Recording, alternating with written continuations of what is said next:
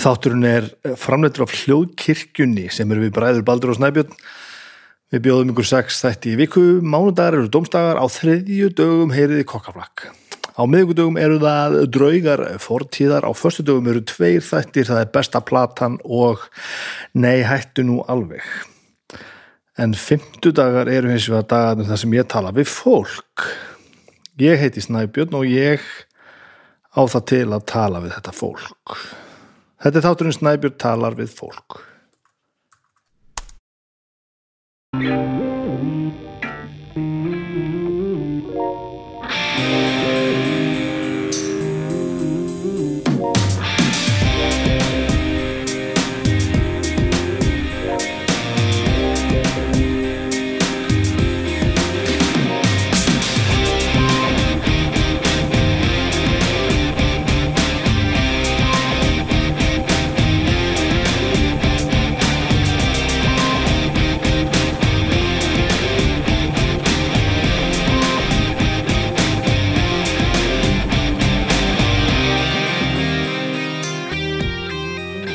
Komið sæl, velkomin í, í hlaðvarpstáttur minn, Snæbjörn talaði við fólk.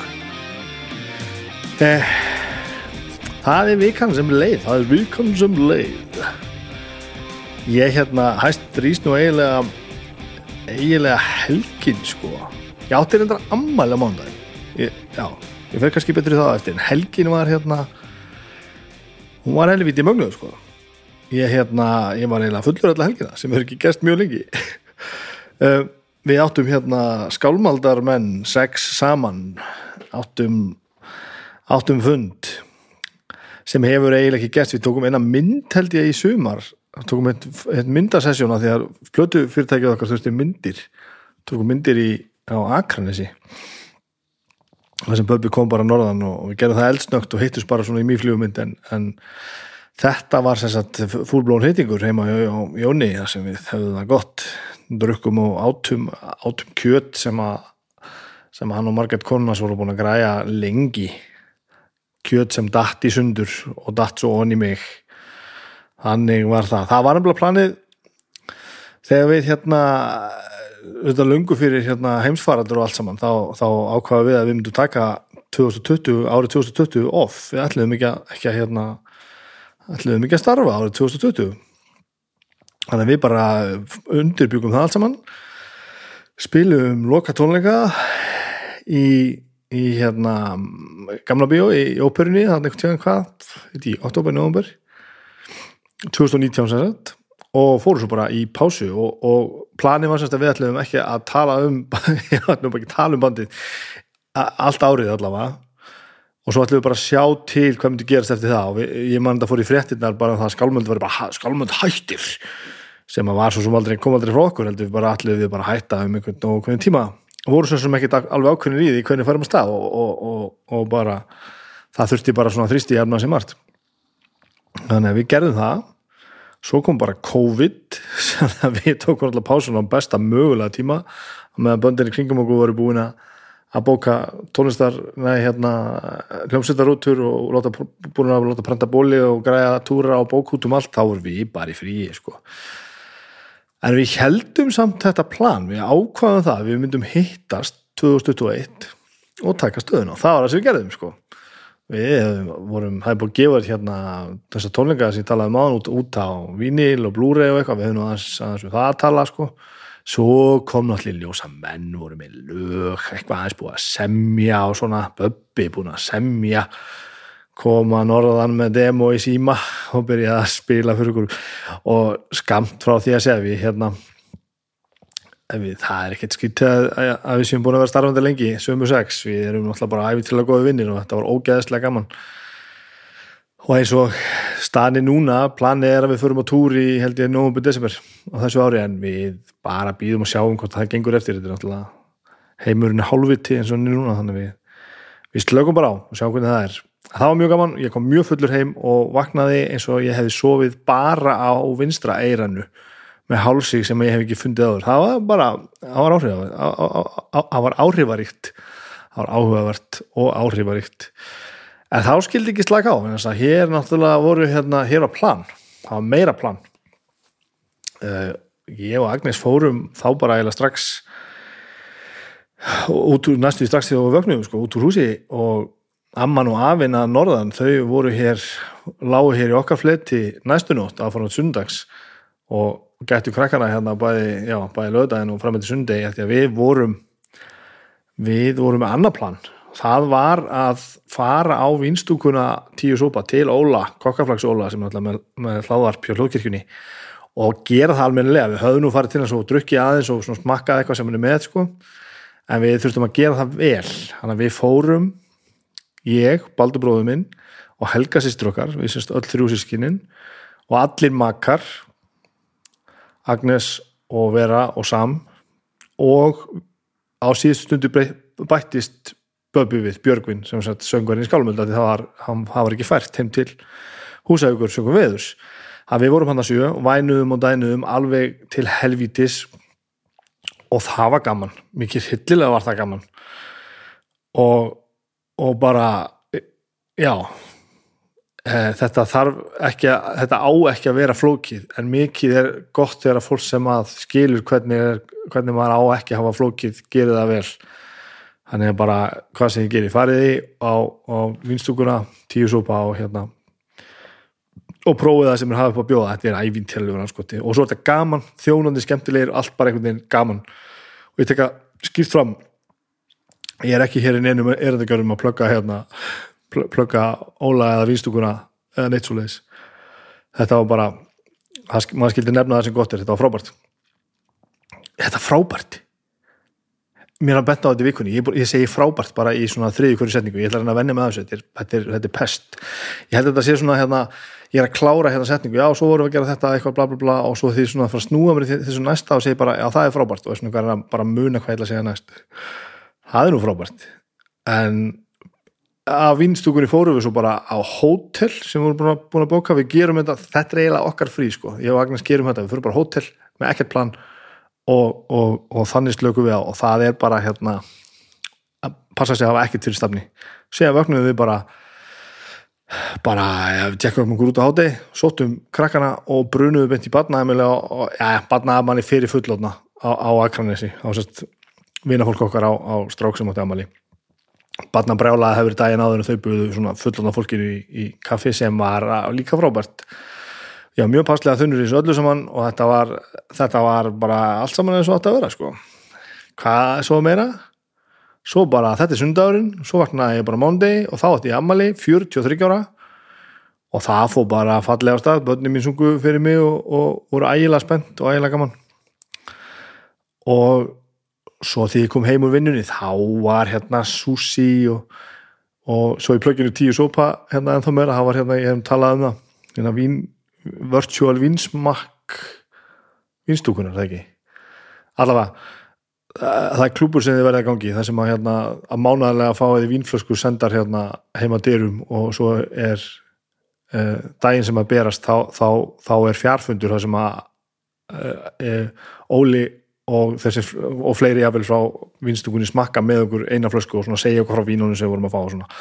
Að tjekka því, sendið í kokkarflokkinu hérna bara línuðið viljið vilji verið með okkur í því. Það er ríkala gaman, en við áttum sem sagt eftir eina kampaðinsflösku frá því að kampaðins hérna sendingin kom með jól og nýjást að við ættum freðandi fyrir fyrir eh, áramótunum, ég beitti mér ekki mikið í drikkjunni á áramótunum, þannig að við áttum hérna kampaðin, þannig að hafa sushi og kampaðin og blöður og serjur og og bara allra handast uh, samverða á börnin ægilega spennt og þetta var ógeðslega gaman.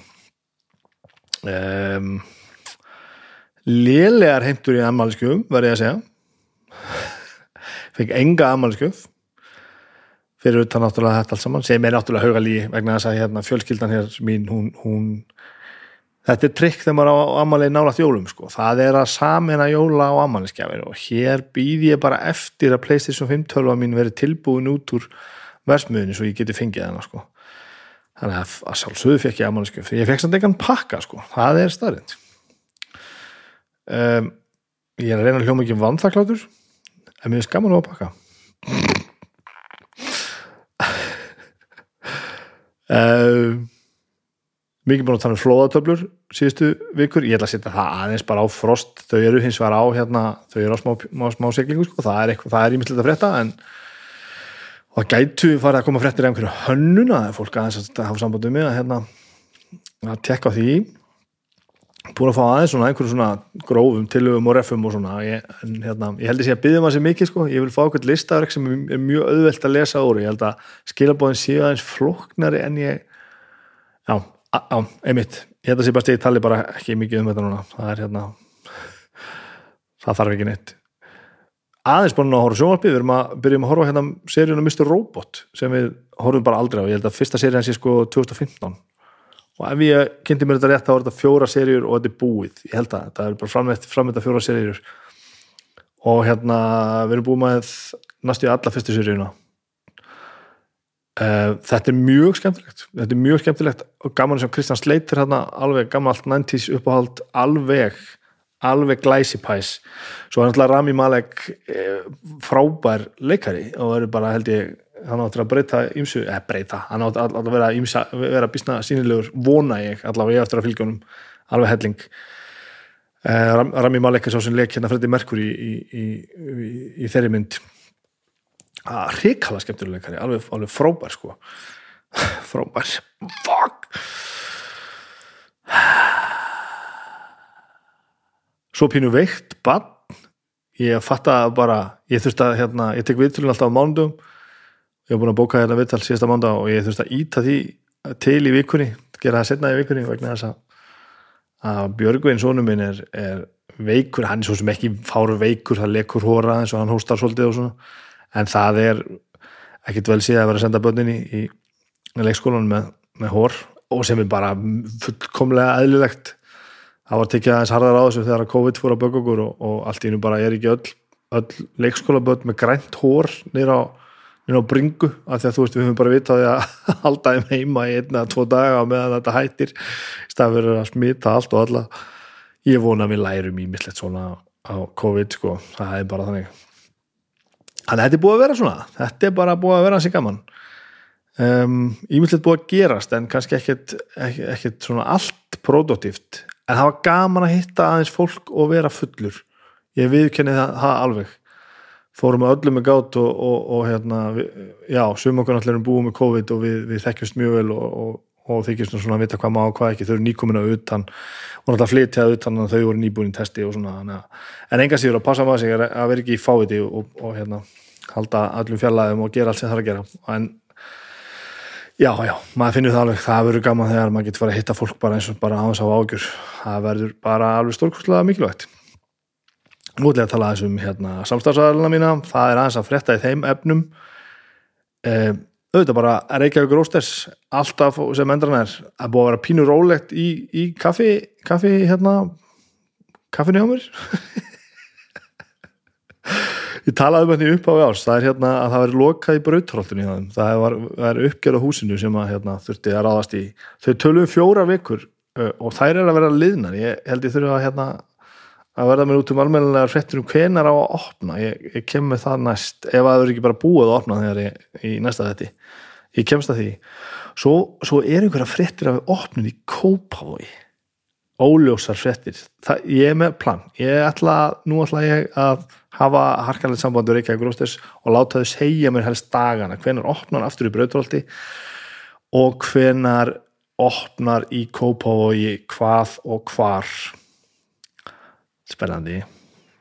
Hérna það er þetta með með kosturinn aðeina þetta, ég sá til og með á, á samfélagsmiðlunum að ég sá mann sem býr út á landi sem var að dásama frá þenn kaffið og var alveg búin að taka mynd af sér og eitthvað og svona, svona lífskunstner sem hefur gaman að góða hlutum og var að tala um þetta að veri framhúsgarandi gott kaffi og einhver svona kommenta að þetta væri nú ekki kannski endilega selt í hans heimabæ. Ég er, ég er ekki að fullir að hann hafi pantað þetta vegna þess að hann var að hlusta á þáttin en mig grunar að sé þannig. Og það er augljóslega mjög fallegt að hérna að þið séu að stiða við bakja þeim sem er að stiða við bakja á mér. Ég hef sagt þetta ofta áður og ég ættir að segja þetta ofti viðbútt þetta er okkar okkar, okkar módel, það er að þið hlusti frýtt og hlustið á okkur tala um fólk sem er að gera vel við okkur, þannig borgið ég fyrir ykkur. Og ég tala ekki um þegar þið nýtið ykkur vöruna þá er það náttúrulega þá er það náttúrulega ennmeri pluss Þannig að auðvitað vil ég heyra af ykkur ef þið er að nota, nota kaffið frá, frá, frá Reykjavík Rósters og, og bara hvað finnst ykkur? Þetta er ekkert þetta er ekkert eðlilegt kaffi, það er bara ekki þannig. Ég er búin að vera með þessa jólagjöfu mína kaffikörnina og ætla að fara að skipta inn í aðra. Ég er bara ekkert búin að því að það, ég var þurft að fara að fyllir í og átti veikbötn og svona. Ég er með plan, ég ætla að gera það í vikunni vegna þess að ég ætla að gera það í sömu ferð. Og ég um, ég frestaði nefnilega öðru sko, ég ætlaði að vera búin að fara í flæði over Æsland með dóttum minni en við fyrstum að fresta því út af veikindunum sko og svona einhverju, einhverju, einhverju skipulagi. Þannig að það er komin önnur förstagsning og það og Agnes ætla bara að koma með. Og, og við erum samt búin að bóka okkur í, í hérna, flyover Æsland og, og flyover Kanada. Og ég talaði mikið um þetta síðustu hérna, um, í síðasta þetta hvernig mér þótti þetta allt saman. Um, en svo fekk ég skilabóð sem anskoting, hvað er þau? Að ég finn ekki, býtum við, hvað er þetta? Nei, ok, ég finn ekki skilabóðið nákvæmlega núna en, en, en það, voru svona áþáleið bara hérna, hvernig er þetta bara svolítið að því að hérna, það, ég fatt að það svo, auðvitað er þetta svolítið óljóst þegar ég er að tala um bara þetta sé ógislega gaman og bla bla bla bla, bla.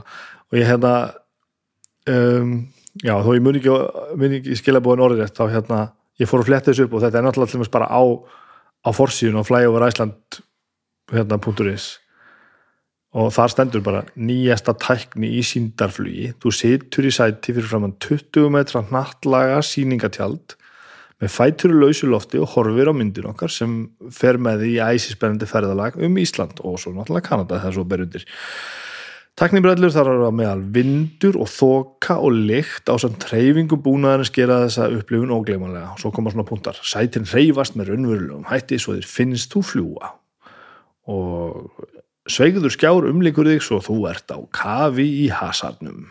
Bú! Það geti að vera sama auðvilsingastofu.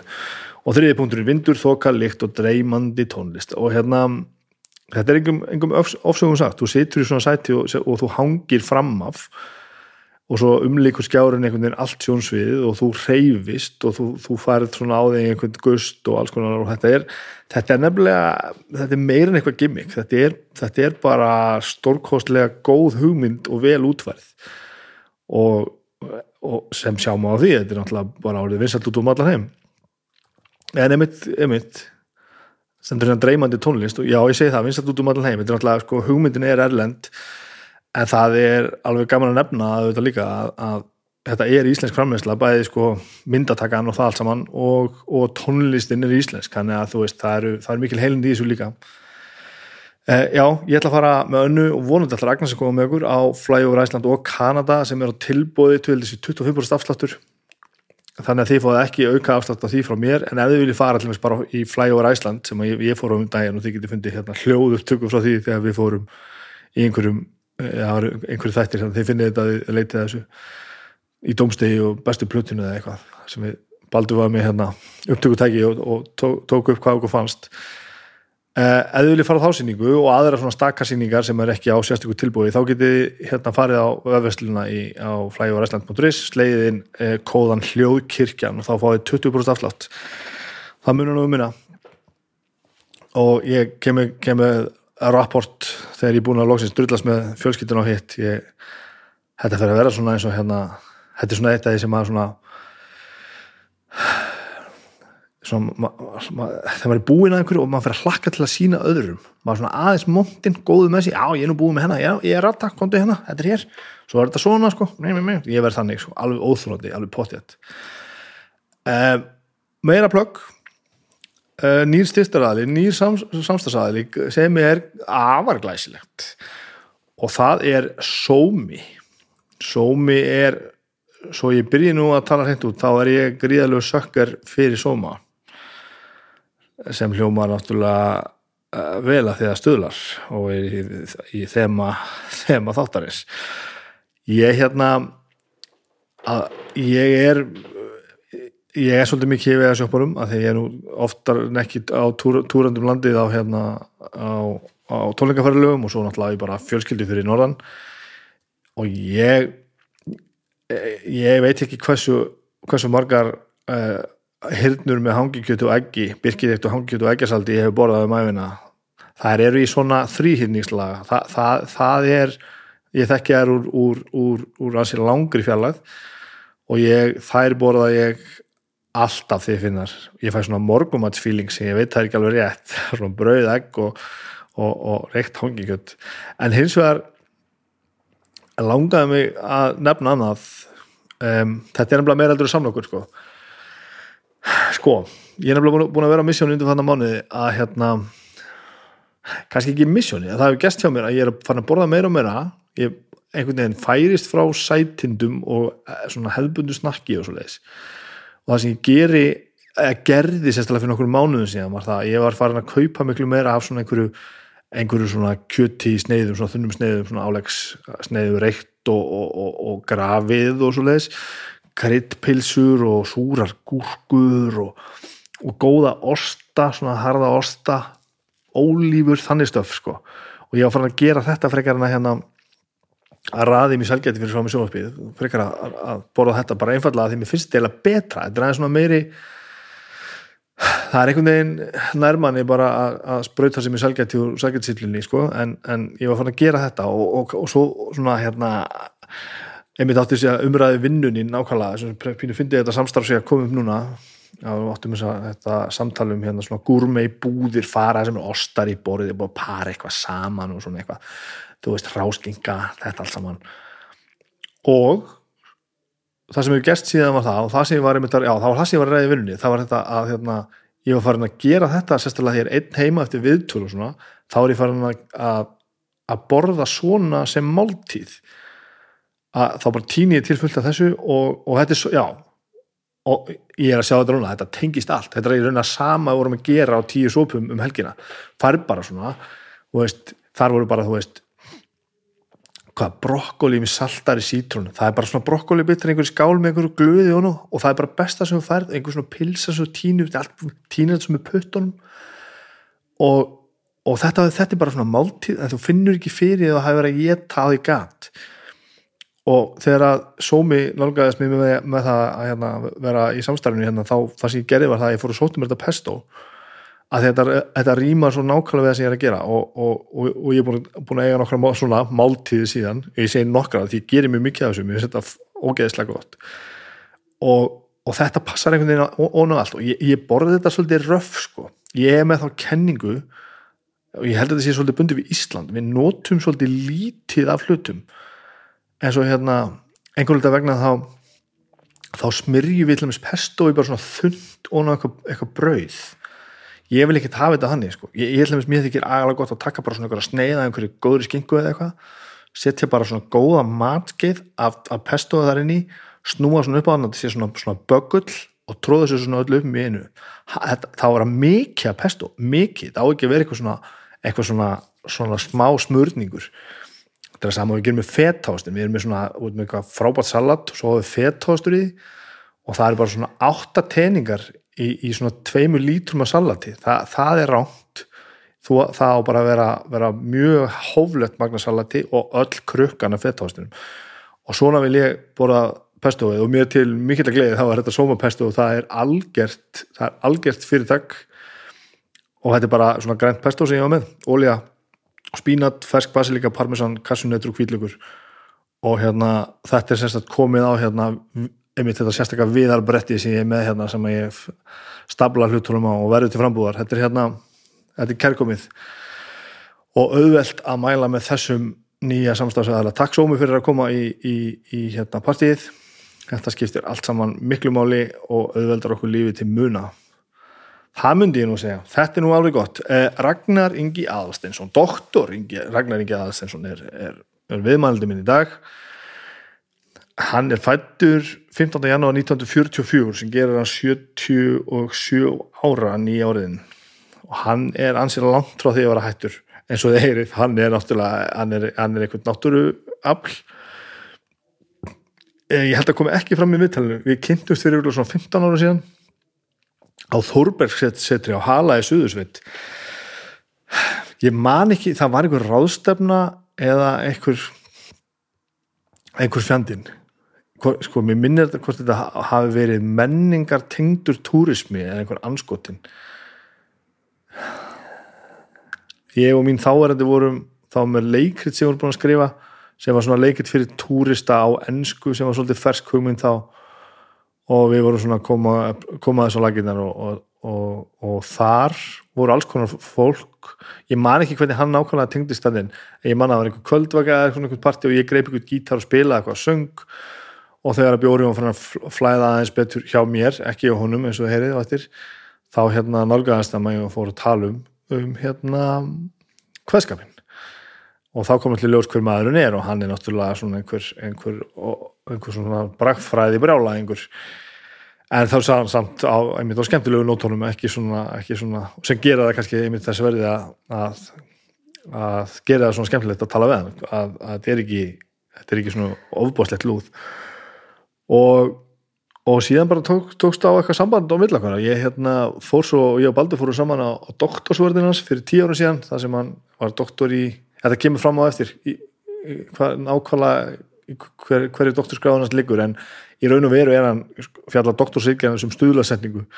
Eh, haldið endur áfram að hlusta ég veit þetta hljópa kannski mögulega svolítið hérna, frásindandi en við förum harkalega á dýftina og, og það er alls konar mjög skemmtilegt og áhugavert þarna maður sem búin að reyna mjög margt kemur úr einhverju sem okkur finnst við vera svolítið grá fortíð, það er alveg þannig. Og hann hefur gert ansi margt. Ef þið er að velta fyrir ykkur um, þið sem eitthvað vitið í, í þennan heim þá er hann bróðir Hákons aðalstessunar heitins sem var mjög þekktur hæðringur þannig er það. Ég held að ég þurfi ekki að tala meira. Þetta, hérna, þetta eru við bara hér fyrir ekki svo lengur síðan. Ég og Ragnar Ingi aðalstessun við eldursporið njótið vel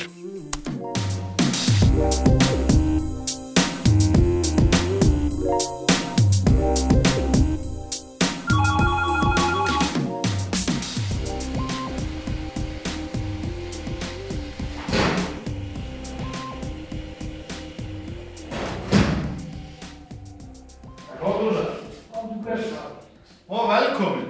Það er kvasta er ég ekki á tíma? Og þetta fullkomlega á tíma. Hér er kaffi. Og hér er vatn eða vel E, áttu svoðu var að ég soði vatn? Já, já, já, þeir vatn. býttu nú við. Jú, ég er með te hérna.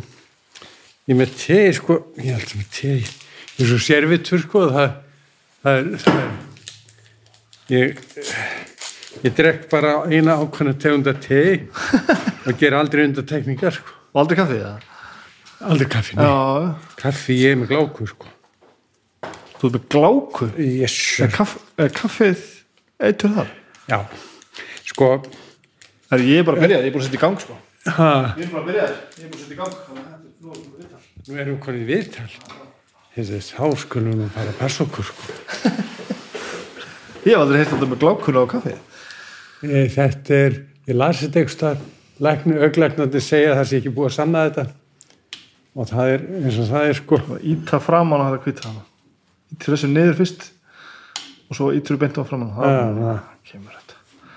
Já, þetta hef ég aldrei hérst nei, ég vissi ekki að vera með glák, ég hef ekki hugmynd um það. Nei, ég er búin að vera þannig áratu, ég er með 100% sjón, sko. já, já, ég er með augdrópa og, og læknandi fylgjast bara með allt. það, já, hérna hér allt í fína. já, það er gott, þetta er ekki engt, sko, aldrei hérst þetta með Hva, hvað er þetta? hvað er gláka? það veit heila engin. Læknandi segir mér þeir vita það ekki, sko, það veit engin það er rosalega erfitt að henda reyður á gláku. þú segist eru með 100% sjón en, en samt þetta Já, sko, ég er með þrýstingu í augunum. Sko. Ef ég nota ekki drópana, drópanir, þeir slaka á þrýstingum. Augdrópar sem ég fæ hjá lækninu. en fólk hefur alveg mist Ah, fólk missi sjónina ekki á þessu jú, jú, fæði mig mist sjónina. svona, glák Já, Glauko, hann, hann bara mist sjónina. Sko. En eh, með réttum eh, aðferðum þá er hægt að halda þessu neyri. Sko. Og það er, ég fer, sko, ég geng miklu lengra heldur en læknandi segja mér, sko, ég, ég hef ekki smakkað sikur kottn í, í 25 ár, ekki kottn af sikri, sko. Hvernig ferðu að því sátt? Engin vandi. það er engin vandi. Ég, ég hætti að drekka brennivín fyrir fjör, það er 41 og hálft ár síðan. Síðan hefur mikið langað í brennivín. Ég var bara svona fyllibitta sem, sem var sko bara meir og minna eh, stjórnlaus. Líf mitt var allt saman í ruggli að því ég var alltaf fyllir í, hafði einhver stjórn á því og ég hætti því og ég lærði aðferði til þess að losna gjörsamlega við löngunin í brennivín. Og þessa aðferð hefur notað með góðum árangri og hitt og þetta síðan. Ok. Og þetta er bara, þetta er bara lífstíl þetta er bara besta mál. Hvernig, er, er þetta aðferð sem getur líst er þetta Já, það er nú ekki kannski, það er kannski ekki alveg einfalt mál, sko. En eh, eitt geti sagt til mér saman við sikurinn. Sikur er einn mest í bölvaldur núna, heilbyrðismála núna á Vesturlöndum, það vit allir. Já. Og samt halda allir áfram að geta hann. hann er svo helviti góður maður Já, já, það vantar nú ekki. En sko, likil atriði þessu er að smakka hann aldrei. já, já, já sko þar sem að ég horfi með skelvingu á þetta hugtak sem við kalla nammidaga. Það er sko í mínum huga fullkomlega glóru laust já, það er eins og fá sér alltaf einu sinni sko fá sér alltaf á lögadöfum kannski pinnlíti brennivín til þess að munna hvernig það er sko. Já. og þá losna maður aldrei við það. Nei, ok, ég skil það. Ég, sko, nú er hérna þetta hljómar alltaf ekki vel, ég hef nú hægt nokkur sinnum að reykja. Já, sem er ágætt, sko ég maður fyrsta skipti sem ég hætti að reykja. Þá var það mér algjörlega ómögulegt vegna þess að ég sagði sjálfur mér það að ég myndi aldrei reykja aftur. Og það var svo yfirþyrmandi að ég reyði ekki við það.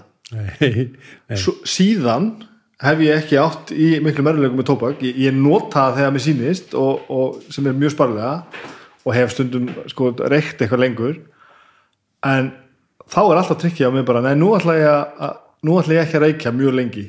En að setja mér ekki þessa sko þess, þennan kost bara nú færðu aldrei aftur tóbak. Þá fæ ég bara eitthvað panik sko. Já, þetta er sko þessi hugsun er algeng í þessum geira þar sem við erum að brennivínið. Já, sko uh, reglan er umlega svo það, það, það er mjög algengt að, að, að benda mannum á að fara þannig í þetta. Sko hugsaðu þér, þú drekkur ekki í dag. Mm þú detur í dag. Þú bara, þú hugsa bara eitt um morgundagi nei, nei, það er kannski þetta sko. það er, það er bara svipa og þú talin þarna sko. já, já, og þetta hefur reynst mjög vel hjá, hjá mjög mörgum sko. Já, fólk er nú misjant eins og veist ég fór umlega ekki þessa leið þegar ég, þegar ég hætti að drekka sko. nei. Ég fór uh, ekki beint sko. Ég, ég var alveg reynd gallharður á því ég ætla aldrei aftur að smaka brennivín sko. já, og ég var búin að reyna svo ofta að hætta. Mér langaði svo rosalega mikil þess að hætta sko. ég vissi að, að ég gat aldrei lifað almennlegu lífi með að ég var brennivín. Ég ég reið ekkert við það og tóldi það ekki og gat það ekki. Og það, þannig að ég var að það, þannig ég var að hætta því alveg. Og uh, sko ég hugsaði þetta alltaf svona sem endanlegt ég var óskaplega hamingisamur yfir því og hafið þú ekki gert áður það? jú, jú, jú, ég hætti alltaf varanlega hætti, ég, hef ekki tjólaði hvað ofta ég búin að hætta endanlega sko. og það bara, ég bara datt alltaf við allt og hver er þá munur? Akkur, akkur allt í einu helst út? já, þar komum við að e, hlutum eins og tólspóra kerfinu e, trúnni e, vinnunni í sjálfum sér þannig gegn tólspóra kerfið að vinnur í sjálfum sér sko maður gerir þetta allt, allt öðruvísi sko. ég hef aldrei farið þessa leið áður sko. já, já, já, ég, ég vann í sjálfum mér sko, skoðaði mig og, og skoðaði hegðun mín og, og reyndi að finna út svona hvað, hvað var hann á bakvið sko. og síðan hafði ég stuðning við fyrir nú nánu út það að við getum nafnleindar á vettfangi já, já, einmitt, einmitt. Og, og, og þetta er eitthvað sem að þá og ég aldrei komið nálat sko, ég hef, ég hef lesið til dæmis tólspórin já, og, og ef, ef maður tekur allt til hliðar einhvern veginn þá hljómar þetta svo mikið svona eins og bara hvað ég segja, helbi skynsemi þú veist, já, það er alveg þetta er svo óbúslega vel uppsett og svo getur maður alveg reyfist um það sko hvað þú ert að koma og hvort þú vilt gera þetta frá þessar áttin eða hinni áttinni. Já, já.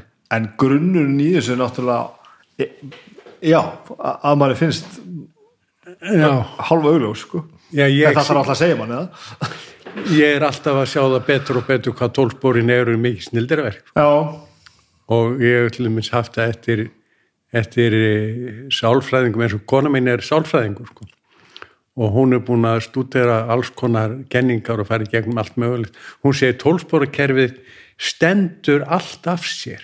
já, Þa, það, það rekst ekki á neitt.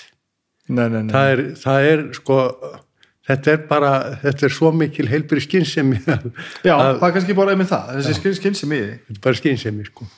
og og þetta með eh, sko trúalega þáttin í þessu til dæmis eh, hann er hann er mjög merkið, það er mjög merkileg útfersla á honum mm. Eh, sko það er eh, semst Guð eins og við skinnjum hann og það er bara ekkert það er engin trúabröð í því þú mútt, þú mútt sko alla eða búta eða eða eh, hvað sem þú vilt kalla það sko. Já, já. en þú verður að skilgreina eitthvað sem er aðra sjálfum þér já, og það er umverulega eitthvað sem maður á bara við sjálfan sig inn í sjálfum sér. Mm þessi sko rannslam og endalur steilum þetta hvað Guð er sko. Já, það, já. það er skilgreiningarnar og því er eins margar eins og mennindir en eh, ég vitna stundum í í, í sko félagum mínu sem hafa verið í, í þessum slag. Þeir skilgreina það sem þeir kalla aðri mátt. Þeir segja sko krafturinn sem er á bakvið það þegar að vorar og gröðsinn fara að spretta og blóminu blómstra og allt, allt einu komið fullt líf í allt það er einhver orka bakvið þetta sko. það er minn guð Mhm. og þessi, þessi guð er minn sko dörglega til það, það er alveg já, ljóst. já, já. Þú veist, það, það er alltaf, hlýtur alltaf, alltaf að- að að finna sér sitt ég, ég man sko ég man eftir þegar maður fekk svona neikvæða mynda þessu að það, þá var það að öfga fólk sem var að tróða sinni útgáfu yfir á okkur hinn sko. það var það var ekki neinum til framræstar sko. nei, nei, það er ekki gott sko. ég er eh, í hjarta mínu algjörlega móti trúbóði já, en eh, ég hins vegar stiði eh, sko alls konar hjálparstarf sem er unnið til dæmis í þriða heiminum og, og viðar sko á góðu fólki sko, Já, það, er, það er svo allt annað mál. En að fara trú, tróðu på með kennisetningum um trúmál ég hef ekki því. Ég, ég bara, mér finnst það ekki ekki vera mér finnst það ekki vera skinsamlegt og ég held að sé eh, takmarkað hafi verið takmarkaður árangur af því í gegnum aldinn það er bara einfallega þannig. Já, alltaf þetta sérstakka sambandi trúla, sérstaklega síðustu ár sko. Ég, er, ég er trúlaus sko, svona, ég skilgrinni með trúlausan. Já, uh, nema ég það trú bara á því góða og eins og segir það er alltaf, einhver orka á bakvið hitt og þetta. Svo náttúrulega skulum orða það þannig lendi ég í því að einn besti minn er náttúrulega bara þjóðkíkuprestur já, og við þurfum bara að takast á við það. Já, og það er það besta sem við komum fyrir af því að sko við komumst náttúrulega alltaf að því að, að við erum fullkomlega sammála um nákvæmlega allt. Já, en já, komum svona skjörsamlu sitt hver áttinni. Já, og þá finnst mér eiginlega og hefur verið minn hotlasti skóli er bara hættu nú þessu töði og taktu bara því sem gott er sko. já, já, já, já. reyna alltaf að virkja sko, þetta sem að útlæsku er kallað common sense. Já, og, og það er en sko ég til dæmis ég þekki fullt af prestum. Já, og mikið af þessu prestum eru öndvegir fólk. Já auðvitað. Og eru að gera alveg rosalega góða hluti verulega góða hluti og, og ég meni það er bara fínt. Já, og það er meiri fínt, það er frábært. Það er bara frá það er algjörlega frábært. Já. en það, er, það er auðvelt að setja einhvern veginn sko ég skil þetta ekki vegna þess að ég bara sé þetta ekki. Ég skil ekki af hverju við eigum að vera að færa eitthvað fyrir okkur sem ég bara hérna, sem ég get ekki lagt niður fyrir en minn skóli var kannski aðalega það sko, ef einhver aðri vil að gera það þá verði ég að gera svo vel að halda kæfti sko. Já, sko svo, fre, svo fremi sem það særir engan eins og segir spórunum sko. Já. það er náttúrulega ef að trúin ef maður er farið að búa trú eins og Ólafur Helgi gerði í Noregi sko, þá, þá, þá segir stopp sko. já, það gerir við ekki sko. hann notaði verið sem að, sem að náttúrulega hann bara drap menn eða pyntaði þá eða þeir vildi ekki líða honum. Og þannig er náttúrulega komið bara það eins og með allt annað, þú veist, ef það er að neyða allan á þinn eigin skoðun, sko, hvort það trúið eða eitthvað annað já, já. já það er það, það er það er eh, svoleiðis viljum við ekki. Það er bara það er ljórt Herru, nú erum við að fara bara ef við ekki bara fara tilbaka? Jú. ef við ekki bara fara í já, bara hvar og hvernig ertu fættur, sko? Ég fættist eh, 15. januar 1944 og það gerði algjörlega brjálað veður daginn sem ég fættist og uh, það kom hlaup í ána hrappkilu og bróður minn og frendi þeir voru þar á beitarhúsum og gæta fjár. Og það var eh, reynt kraftaverk að þeir skildu sleppa lifandi úr ánni því að, því að þeir lendi í einhverjum miklu remmingu þar þeir voru að stikla þar yfir og jökum og, og það eh, komur svo heim hundblöytir um kvöldið og, og fóru með þetta eins og mannsmorð til þess að redleik sengu konuna því. Já, það er ekki talið gott fyrir hann að frétta þessum úrköpum. En þeir sluppu lifandi. Já, þetta var það ge- gerði, það gerði mikil læti þennan dag. Þannig að já, já. Og uh, svo ólst ég upp hann í reflstelum og uh, það var út af fyrir sig bara ágætt. Það var engin bílvegur þar, þar var engin sími. Þar var útvarp og við hlustum útvarp og dagskráin endaði svo með þjóðsögnum og kvöldin, einhvern tímann svona 10-11 11 leitið. Lögatöfum var aðeins lengur það voru spiluð danslög. Það var gaman sko. Svo var bara ekkert útvarp fyrir morgunin eftir og uh, sko pósturinn kom síðan hálsmánaðlega kom þá með blöð og þá var sesti við dagblöðin tíman og morgunblæði og þetta var bara lífið. Það var bara fínt. Ég stundum að segja þetta við unga fólki þegar það er algjörlega meður sín að það finnur ekki símar sinn í hálf tíma sko. Og það er algjörlega bara það er alveg meður sín.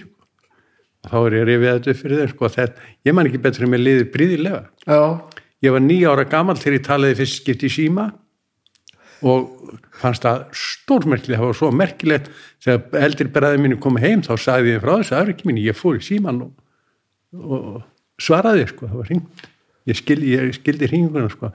Þetta var svona mors hringingar sko, hringingin heim var þrjá langar. Já og svo svöruðu allir og þóttist ekki vera að hlusta eitthvað já, já, þá, þá fór allir í síman og enginn sagði frá því. Heldur þetta sé satt? Þú ætla alltaf að tala um þessa þetta, þessa hlerunni sveitasíkvöld Ég er satt, ég heldur betur. Ég veit allt um þetta sko. gjörsamlega. Og ég sagt þér sko ég stundur yfir þetta upp sko. Það var svo gaman sérstaklega eftir og mann fannst þetta alveg hinglega bara eðlilegt þegar við verðum allir með svo, hefur svo tökum sem dæmi það verður að bóða messu sumarlegi það var messa einsinu ári sko. Hann á, á í kirkjunu Eirustöðu og uh, oddvitinn hann tók stundum að sér þóstendum skjöldur sem hann ringdi stundum og bóðaði messuna. Þá byrjar hann að ringja í, í Gilsá. Ringir þangað og segir það er messa á sundaginn eða Gilsá, já, jú hann ringdi, sko ég, er- ég er að rifja upp hvort að hvort að hann bóða bara á Efridalum ég man þetta ekki alveg, að hann ringir semst á fyrsta bæi og bóðar messuna, segir það er messa sundaginn klukkan tvö. Og já, já, svo allir fari síman sko. svo ringir hann á næsta bæ og segir að það er messa á sundaginn, já, sér já, já, það, klukkan hvað er hún voru klukkan tvö og það er bara allt í góðu með það og svo kannski spjallað aðeins um veðrið og svona og svo ringir hann næsta bæ og, og þar kemur maður í síman og segir, já, nú er messa, já, er hún klukkan tvö þessi leikur var leikin allalegin upp úr allir voru búin að heyra þetta sko, allir, alltaf fórum mér aftur í síman því það gæti alltaf bæst eitthvað við sem að, sem að var forvitnilegt sko. Þetta var maður búin að upplega margsins, þetta var mjög gaman sko. þeir sögðu margir þegar að sjálfvirki síminn kom að það hefði verið bara mesta böl fyrir sveitina sko. þá þetta ringi í hvern fyrir sig og þetta var, þetta var mikið óhæræði sko. það kom fyrir að sko, það var eh, kölluð neyðarhinging það voru fimm langar og þá áttum hann að geta geta sko ef að kom upp alvarlegi hluti sko þá áttum hann að geta kallað út. En eh, ég man ekki til þess að það gerðist nema, nema einu sinni.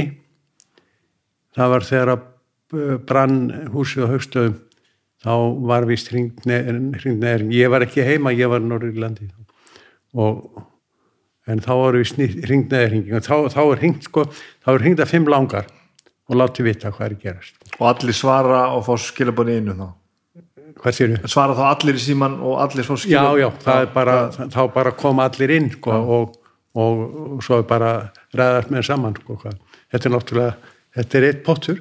Já, já. það er bara, það er allir með. Staðsettu minn og almenna á landinu að því eru svo hryllilega ófróður um allt svona. Hva, hvar er þetta? Hvar, Þetta eru Jökuldal. Þetta eru Jökuldalurinn. Hann er þarna á héræðinu já, nyrst á héræðinu flóttst héræðinu og hann liggur þar e, sko það, það, það er frá einn frá héræðslóðunum -hmm. þar kemur Jökuls á hlýðin Já, já. og svo hróastungan að sunnaverðu, sunnaverðu ána eða austanverðu ána eins og við segjum. Mm -hmm. og svo tekur Jökuldalur við um, um forsveitlega já, þar. og þar gengur Jökuldalinn inn langur sjálfsagt einir 70 kilometri eitthvað svo leiðis já, já. og uh, svo e- e- brú er innst í bara Jökuldal og uh, er norðan við ána og gengt brú þar er rappkjöldarinn gengur spennt í söður úr Jökuldalnum já. og þar eru þessi tveir bæir þar er Vaðbrekka og svo aðalból innar þetta er þarna á, alveg inn í inn á milli fjallana þetta er ekki alfara lið maður. Nei, nei, þetta var ekki alvar lið hins vegar var það þannig til forna að þá var steinbói yfir ána á brú. Já, þess vegna heitir þetta brú. Þar var, þar var hægt að fara yfir. Eh, maður veit ekki alveg hvernig þessi steinbói hrundi en uh, þarna var sem sagt uh, leið yfir. Þá var þjóðbrautin þarna yfir. Já, og þegar maður fóru sko, komu norðan á landi og voru að fara til dæmis söður og fyrir þá fóru þeir þarna yfir gjarnan og uh, inn rappkistalinn og þar yfir svona. Hva, sko útskýri nú fyrir okkur sem að einmitt eigum snjallsíma og höfum aldrei upplifað annað heldur en að sé útvarpalda sólarhengin hvað hvað upplifir maður, maður sem þú veist tilgangin þegar maður er, að, þegar, þegar maður er sko í þessum aðstæðum? Að vakna mótnana og svo sinna því sem þarf að sinna og hvað er maður að gera? Er maður að vinna sér fyrir einhverju skemmtun eða er maður bara að reyna að lifa af eða er maður að að það erum svo upptíkin að því alltaf hafa eitthvað nýtt fyrir stafni sko, og allt, allt svona markmiða drifið og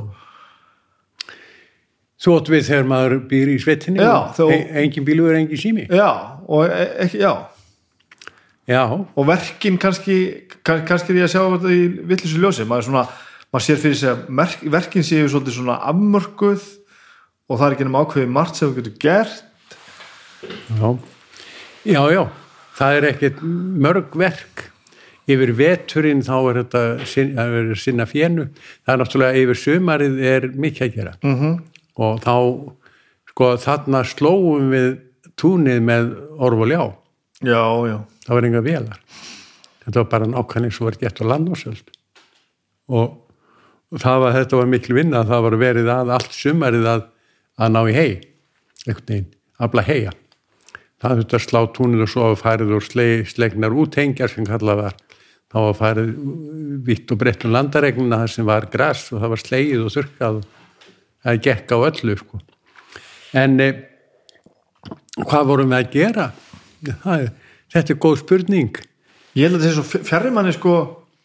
Manni, ma, ma, ma, að svo stutt í það að ma, maður fara að upplifa bara eins og þetta sé eitthvað svona ákveðið tilgangsleysi. Að þú bara svona vaknir og farir í verkin farir svo bara að sofa og svo farir bara aftur í verkin einhvern veginn. Já. Já, já, þetta er ég hef nú bara aldrei hugsað þetta svona. En eh, ég skil alveg hvað þetta tala um. Ef ég reyna að rifja upp uh, æskunar sko þegar að þarna til dæmis fram, fram til nýjára aldurs þegar, ég, þegar, þegar bílvegurinn og síminn koma sko, þá breytist þetta náttúrulega Já. þanga til þá uh, ef maður las mikið ok, já, við lásum mikið og, og svo var maður bara einhvern veginn í rólega heitónum sko. ég hef til dæmis eh, tekið eftir því hvað margt ungt fólk eh, í dag það ég held að skilji ekki alveg hugtakið þögn nei. Það, það, það verður óttarslegi eða hefur ekki eitthvað í erónum þá, þá tröflast menn verður órulegir held ég, ég er náttúrulega enga könnun gert á þessu, ég veit ekki hvort þið eru allir svona en mér finnst þetta stundum sko, ég hef verið að kenna mikið unlingum og mér finnst eh, vera sko svolítið, svolítið svona sko það, það er, þau þurfa að hafa eitthvað sljóð og jável þau eru með músík í eirónum þegar þau eru að læra Mhm. það get ég aldrei nei ég er að lusta músíkina Ég held að þetta sé ekki einu sinni bara bundi við hljóð. Ég held að þetta sé bundi við allt. Ég held að maður geti aldrei, ég er sekur að þessu sjálfur, að þegar ég ætla að slaka á, þá þarf alltaf að vera eitthvað, sko. ég, eh, mér líður hvergi betur heldur en í algjöri þögn Uh -huh. Þar sem er ekkert hvað það er dásamlega og ég get bara verið bara svoleið heim á vaðbrekku var það þannig að e, þá, þá gæt maður maður nýr í einhvern grafningi svona grafningar svona grónir niður í niður í botn sko. Maður gæt setið í grasinu þarna í grafningunum og þá var bara ekki neitt. Mm. það var nákvæmlega það heyrist í einstaka fugli kannski stundum, svo var bara ekkert kannski lækja neyður og bara þögn. Á kvöldin einhver svo minnist að þegar maður var að fara að sofa á, á sumrin þá þá heyrði maður niðin í ánni fyrir neðan bæ og það er tölvöld langur spölu nýra ánni en maður heyrði niðin í ánni og ekkert annað. Bara nákvæmlega ekkert annað. Þetta er bara fínt. Þetta, þetta er bara eitthvað sem að vandist og tók inn með móðumjölkinni sko, svona þetta að vera. Og þetta er eitthvað sem fólk upplifir ekki í dag. Ég veit ekkert hvort það er betri að vera sem það er, það er sko, maðurinn aðlaga stöðlum sköpunum hlut. Og eh, ég er alls ekki að segja að þetta hafi verið eitthvað, eitthvað heilsusamlega eitthvað betri, ég veit ekkert ég, ég veit ekkert um það. Nema að ég eh, ég á mjög gott með að vera í, í þögn sko. Og, og mér líður bara vel þannig. Það er það, er það eina sem að sem kemur út úr þessu. Sem að eina sem ég sem sagt sé í sa þessu sambandi. Og mér finnst það ágætt. En e, svo má deilum þetta allt saman. Hvað er, hvað er heppilegast fyrir mann? Hvað er þið mörg hana í, í heimili? og vorum við? Já. það var misjamt það verið svona oft svona 5, 6, 7 manns sumri voru oft miklu fleiri Já. sérstaklega náttúrulega eftir að bílöfurum kom Mm -hmm. þá voru barnaböld hann mikið og alls konar sumar gestir og, og uh, þá var uh, fluttum við stundum út í tjald Já. tjölduðum út á túnni og sváum þar uh, heilu sumurinn sko. það var eitt pláss í bænum það var fínt mjög gott Hvað er þið mörg, sérsagt, kjarna fjölskyldan? Hvernig er, hvernig er hún samansett? Eh, Við vorum nýju sískinni sem komast upp Þeir voru nýju sem komast upp. Já, og svo tveir fóstubræður þannig að það, sko, sýsti mín, það dó einn sýsti mín lítil en fóröldar mín eignust tíu börn og við vorum nýju sem komast upp og, og tveir fóstubræður þannig að við vorum 11 í það heila en þetta fólk er að mestu, sko, þegar ég er allast upp þá er mestast fólki farið heima Já, ert þú, þú ert, ég er langingstur, sko þú ert langingst. langingstur sko. þegar að Ókei. sko þegar að Hákon bróðum í fættist hann fættist 35 Já. þá þá var hann var 24 merkur og móðum mér var rétt döð það var bara það var sko að kom læknir fæði minn reyðustur í fljóstal og náði lækni og og hann gætt bjarga líf hennar og kom í badnin í heiminn og sköttuði nokkur megin hann var nú allur margeraður og enninu vist og meira svona eftir fæðinguna sko þetta var. Og hann læknin sagði við hana nú eignast þú ekki fleiri börn. Og hættir þú þessu. Þetta var nýjönda badni Já, ég held sem nú líka skilsum við bara að benda á það. Það, Ákveð skilsum að bendin á það það er Eftir nýju það sé bara komið gott. Já, já þetta var ágætt sko. Ég sagði, sagði alltaf við eldri sískinni mína hann hefði nú bara hort í kringu sig og hugsa með sér það verið komið nóga þessi fólki sko. en, eh, en en það var nú þetta var svona, já, það var svona gríni sko. en e, svo eignuðustu ekki fleiri börn fyrir enn ég kom þarna alveg í lokin. Já, já móðum minn orðin 44 og 43 ára gömul þegar ég veðist og þannig ég var svona slis mm -hmm. og elli glöp fóreldra minna. Og er stoltur af því. Og þau sérst mörg farin að heima þegar þú fæðist? Já, þá eru þau sko elsta sýsti minni fætt 23 sko hún er 21 árs þegar ég fæðist sko. Og þú sér það og það eru farnar í skóla og farnar að heiman, elst sýstnar og, og, og þegar ég man eftir þá eru, þegar ég fyrir mann eftir mér sko, þá eru bræðum mínir Eldrik, Jón Nevill og Stefán þeir eru farnir í mentarskóla og ég hafði ekkert mikið að þessum eldri sískinu mínum að segja þannig sé sko, Já, já. Þannig sko, þetta ég var svo langt yngstur. Áttu sískinu lífið? eitt bróður en hinn er öll farin. Aha. það er engin ending í þessu fólki. Er það ekki svolítið sérstætt að fara að sjá fólkið sitt svona tínast í burtu? Að vera svona langi yngstur? Já, það er náttúrulega svona, þetta er bara lífið það er, það er svo sem ég sé ekki að það sé eitthvað gaman. Nei, nei. En það er, það er ekki við því að gera þau, þau uh, eru sem sagt elsta sýstu mín fætt 23 svo næstu 24 og svo þriðja 25 svo kom Stefán 27 Neville 28 og Sigrún 30 og Danni sem er nú sem eini sem er að lifi fyrir þetta mig sko. hann kom hann kom uh, sko 32 Ragnhildur, svo sem lest hún kom fætt 33 og Hákon 35 Vá þetta kemur bara allt í bunnu sko. og ég hef stundum að rifja þetta upp uh, að að sko uh, þegar að, þegar að þetta, þessi börn er að fæðast allt sem, þá er sko, aðstæðan þannig að móðu minni hún, hún þvoði þvottana út við læk mikið sko. með þetta allt mér út og þvoði það þar sko. Verkin maður. Þetta hefur tekið á. Já, ég veit það ekki. Sko, þetta ég hafa ekki þvott að vera þarna sko. Nei, nákvæmlega. Og svo þegar að þurfti að sko hafa mikið við þá þvotturinn svoðinn og þá þurfti að eh, setja þurfti að kveiki eld og hlóðum setja vatnar í stóran pott og svo var þetta að sjóða föttinnar og þetta var gert svona á og til. Svona, og, og svona var bara svona var þetta bara inni Þarna komum við að sem ég var að, tala um áðan sko. mann líður svolítið eins og, eins og lífið hafi verið svolítið bara fullt af verkefnum til þess að láta lífi ganga já, en kannski bara sér maður þetta ekki rétt sko. Já, ég eh, skal ekki segja sko, eh, eins og vera að nefna áðan sko, maðurinn er svo hann, hann er flótur aðlagast öll mm. Og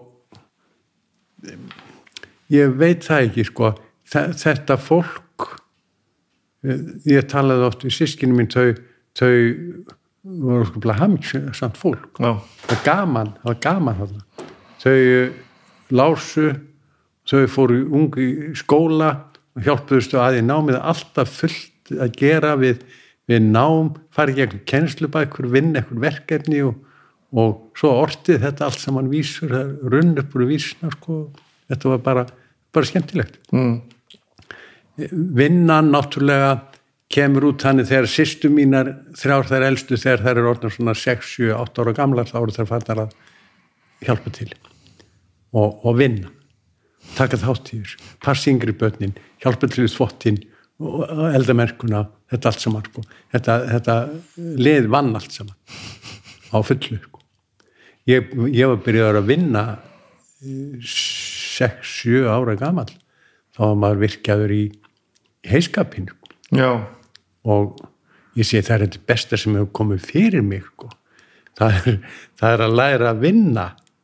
Bara konungus þetta var maður einhvern veginn maður læriði þetta bara þetta var eitthvað sem maður fekk inn í sig með móðumjölkinni sko. það var það, það var það vinna verkin. Já, og, og starfið var alveg á borðinu. Það sá allir, það viss allir hvað starfið var. Og það fór ekkert það var ekkert sko að fólk kemi heim úr vinnunni og segði og það væri sagt hvernig var nú vinnan hjá þér í dag? Það, það vinnan var öll þarna á borðinu það voru allir með og það, sko, það sem þetta gera það var búskapurinn það var, það var hyrða fjöð og, og það var að ná í hegið og, og það var öll þessi störf sem þurfti að vinna. Og, og það var allir í því frá byrjun. Og fólk sem að elst uppi þetta það elst uppi það að, að ábyrð gagmar störfum er bara eins sjálfsögð eins og borða matins já, einmitt, einmitt. Og þetta er bara holdt, já, mjög holdt þetta lítur að vera það. Ég var að kenna vestur í Dalasíslu það nú ekkert langt langt síðan. Það var svona á árunum það var á nýjönda áratögnum sko. vorum við fimm ára á lögum í Dalasíslu og þar vorum við að kenna ungu fólki sem að sem var sko það var svo gaman þau voru svo eh, meðvituð um eh, sko ábyrðina. Og uh, það er aldrei að segja þeim uh, uh, útsk- útskýra þeim, sem svo sjálfsagt að vinna. Og bara alin upp við það. Já, já, og, og uh, að skila því sem þurft að skila að sjálfsögðu, það var eins sjálfsagt eins og bara, sem segi, eins og uh, bara borða matinn sín sko. maturinn kom af því að fólk var búið að vinna. Já, einmitt, einmitt þetta var, þetta er nefnilega eitthvað munstur sem við bara maður er ekki va- bara vannur sennilega sko. Nei sko í borgunum er þetta allt öðru vísi og uh, nútíma fólk það svona það uh, lifir einhvern veginn allt öðru vísi lífi. Það, er, það eru önnur viðmið og, og uh, allt aðrar aðstæður. Og ég veit ekkert hvort það er betri að vera. Það er, er, hefur þetta ekki allt sinna kost og galla sko jú, það er, það er bara þannig sko. en ég, það er nóg fyrir mig að hafa verið í sveit til nokkuð sumur til að svona þú veist að að fengja að upplifa þetta að, að verkin svo, það sem þú segir, þannig að verkin eru bara þarna að það eru bara verk sem þarf að leysa sko. maður er ekki, þú veður ekki blind út í það hvað þú ætti að fara að gera það þarf bara að sinna skepnunum sko. já, og ég held að það sé svolítið svona breytan frá því að fara svo bara að vinna, vinnun og ölsingastofuna þú, þú ert einhvern veginn ekki gera vinna svona verk sko.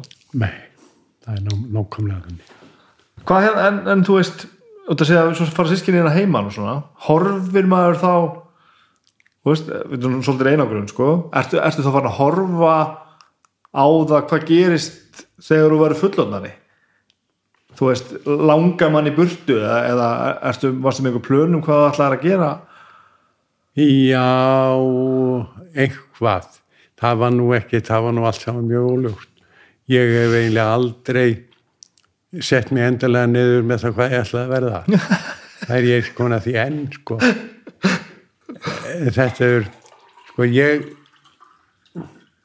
mér, mér fannst aldrei gaman að búskap. Mér, mér, að, mér leittist alltaf búskapurinn. Störfin þá?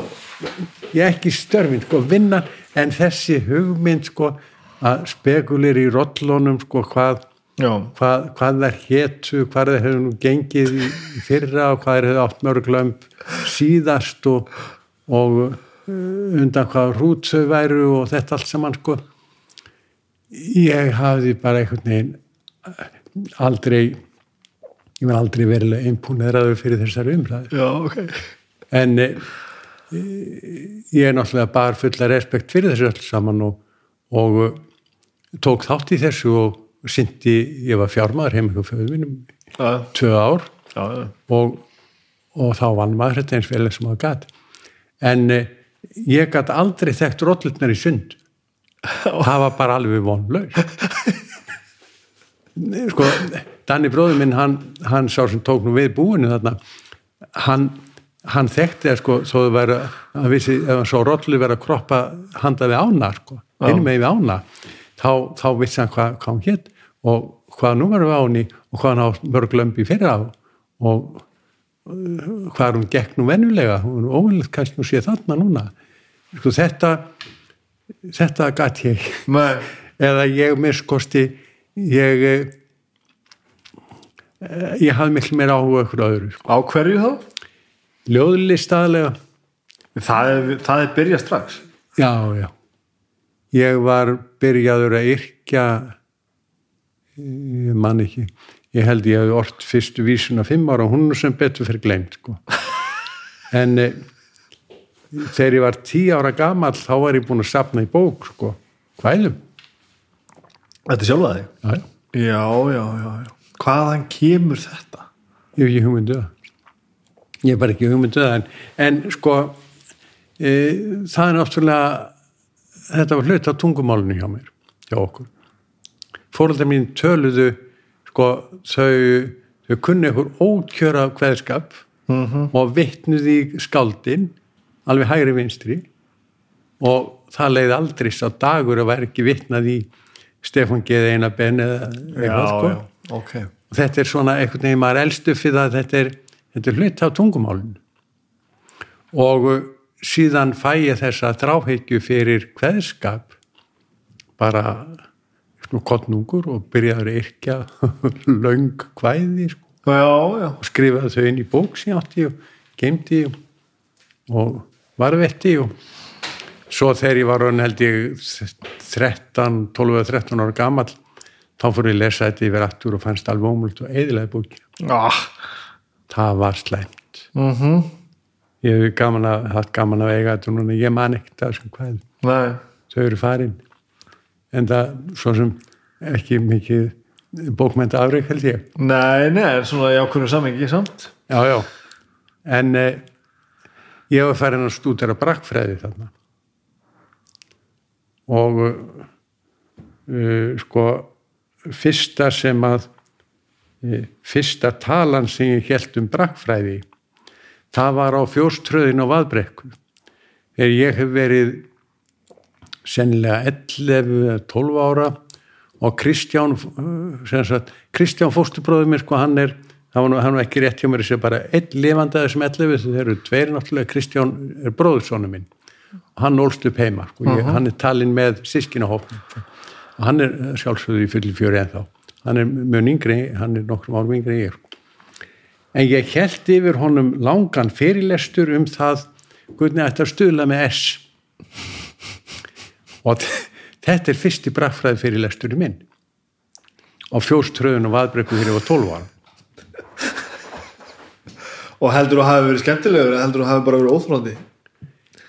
Já, það skal ég ekki metta sko.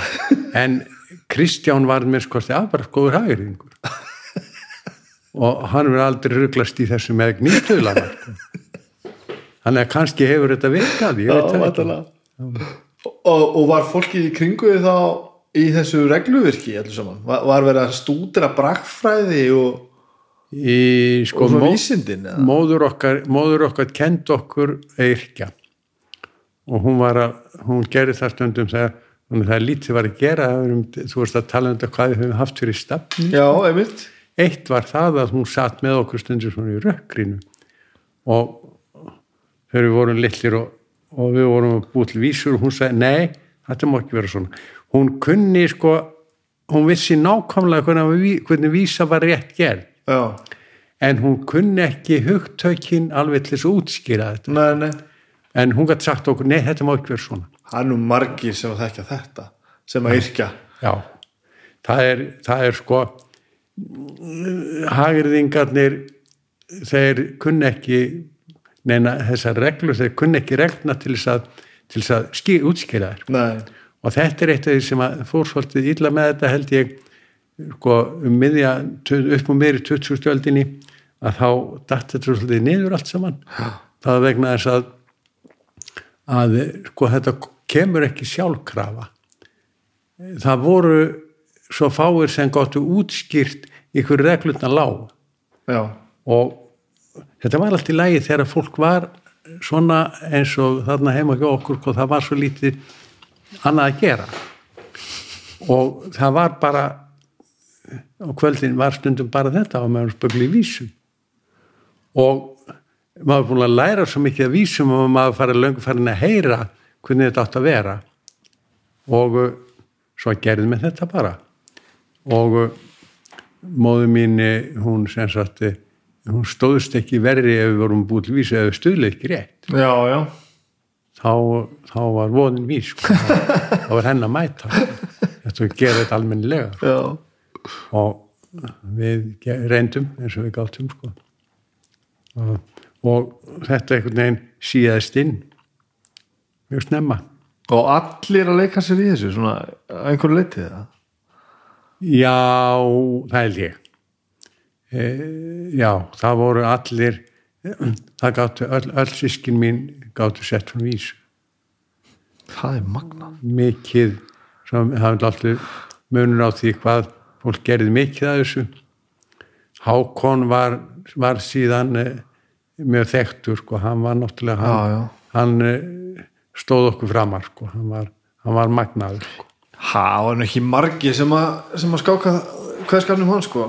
Nei, það er sumt, já, er náttúrulega allt frábært en það sem, það sem hittir mann best er, það er ótrúlegt sko. Já, já, hann, ég, mér er svo minnist þetta einu sinni þá hef ég verið svona kannski 8-9 ára gamall og uh, Hákon var úti að vinna og ég satt inn í eldhúsi og hann kom að eldhúsklukkanum, ég har oft sagt þessa sögu sko. hann stakk hausnum minn um eldhúsklukkan og var það búin að gera vísu. Og hún er svona ég á stauti bakið brít byðum graut í mína hít marga þraut og mæður lít moka blöytum kúaskít. Þetta er flott vísa. Þetta er svo rosalega vel gert sko þannig er hann sko þannig er hann er svona 16, 17 ára og þessi svona tilfinning fyrir sko að þurfa að vera eitthvað í þessu. Eitt er nú að vera góður að ræða saman orðum sko. já, já, en það er alltaf eitthvað svona eitthvað sniðut eða knittið eða eitthvað e- eitthvað orðalag sem hittir mann á einhvern máta sko. Það eru svipaleiti sem að hann er stattur út á Eiríkstöðum þá er það bara kottnungur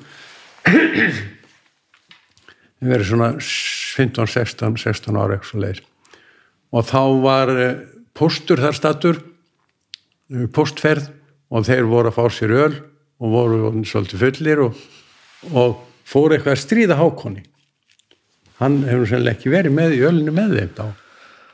Eitthvað lítið með skosti nema hann var reyður við þá og, og var full og, og svo þegar að fólk kom á fætu morgun nettir þá var miði á borðinu, eldsborðinu og á honum var vísa og hún er svona Póstur hann drekkur, þvælir og þvargar þar til hann veit ekki meir.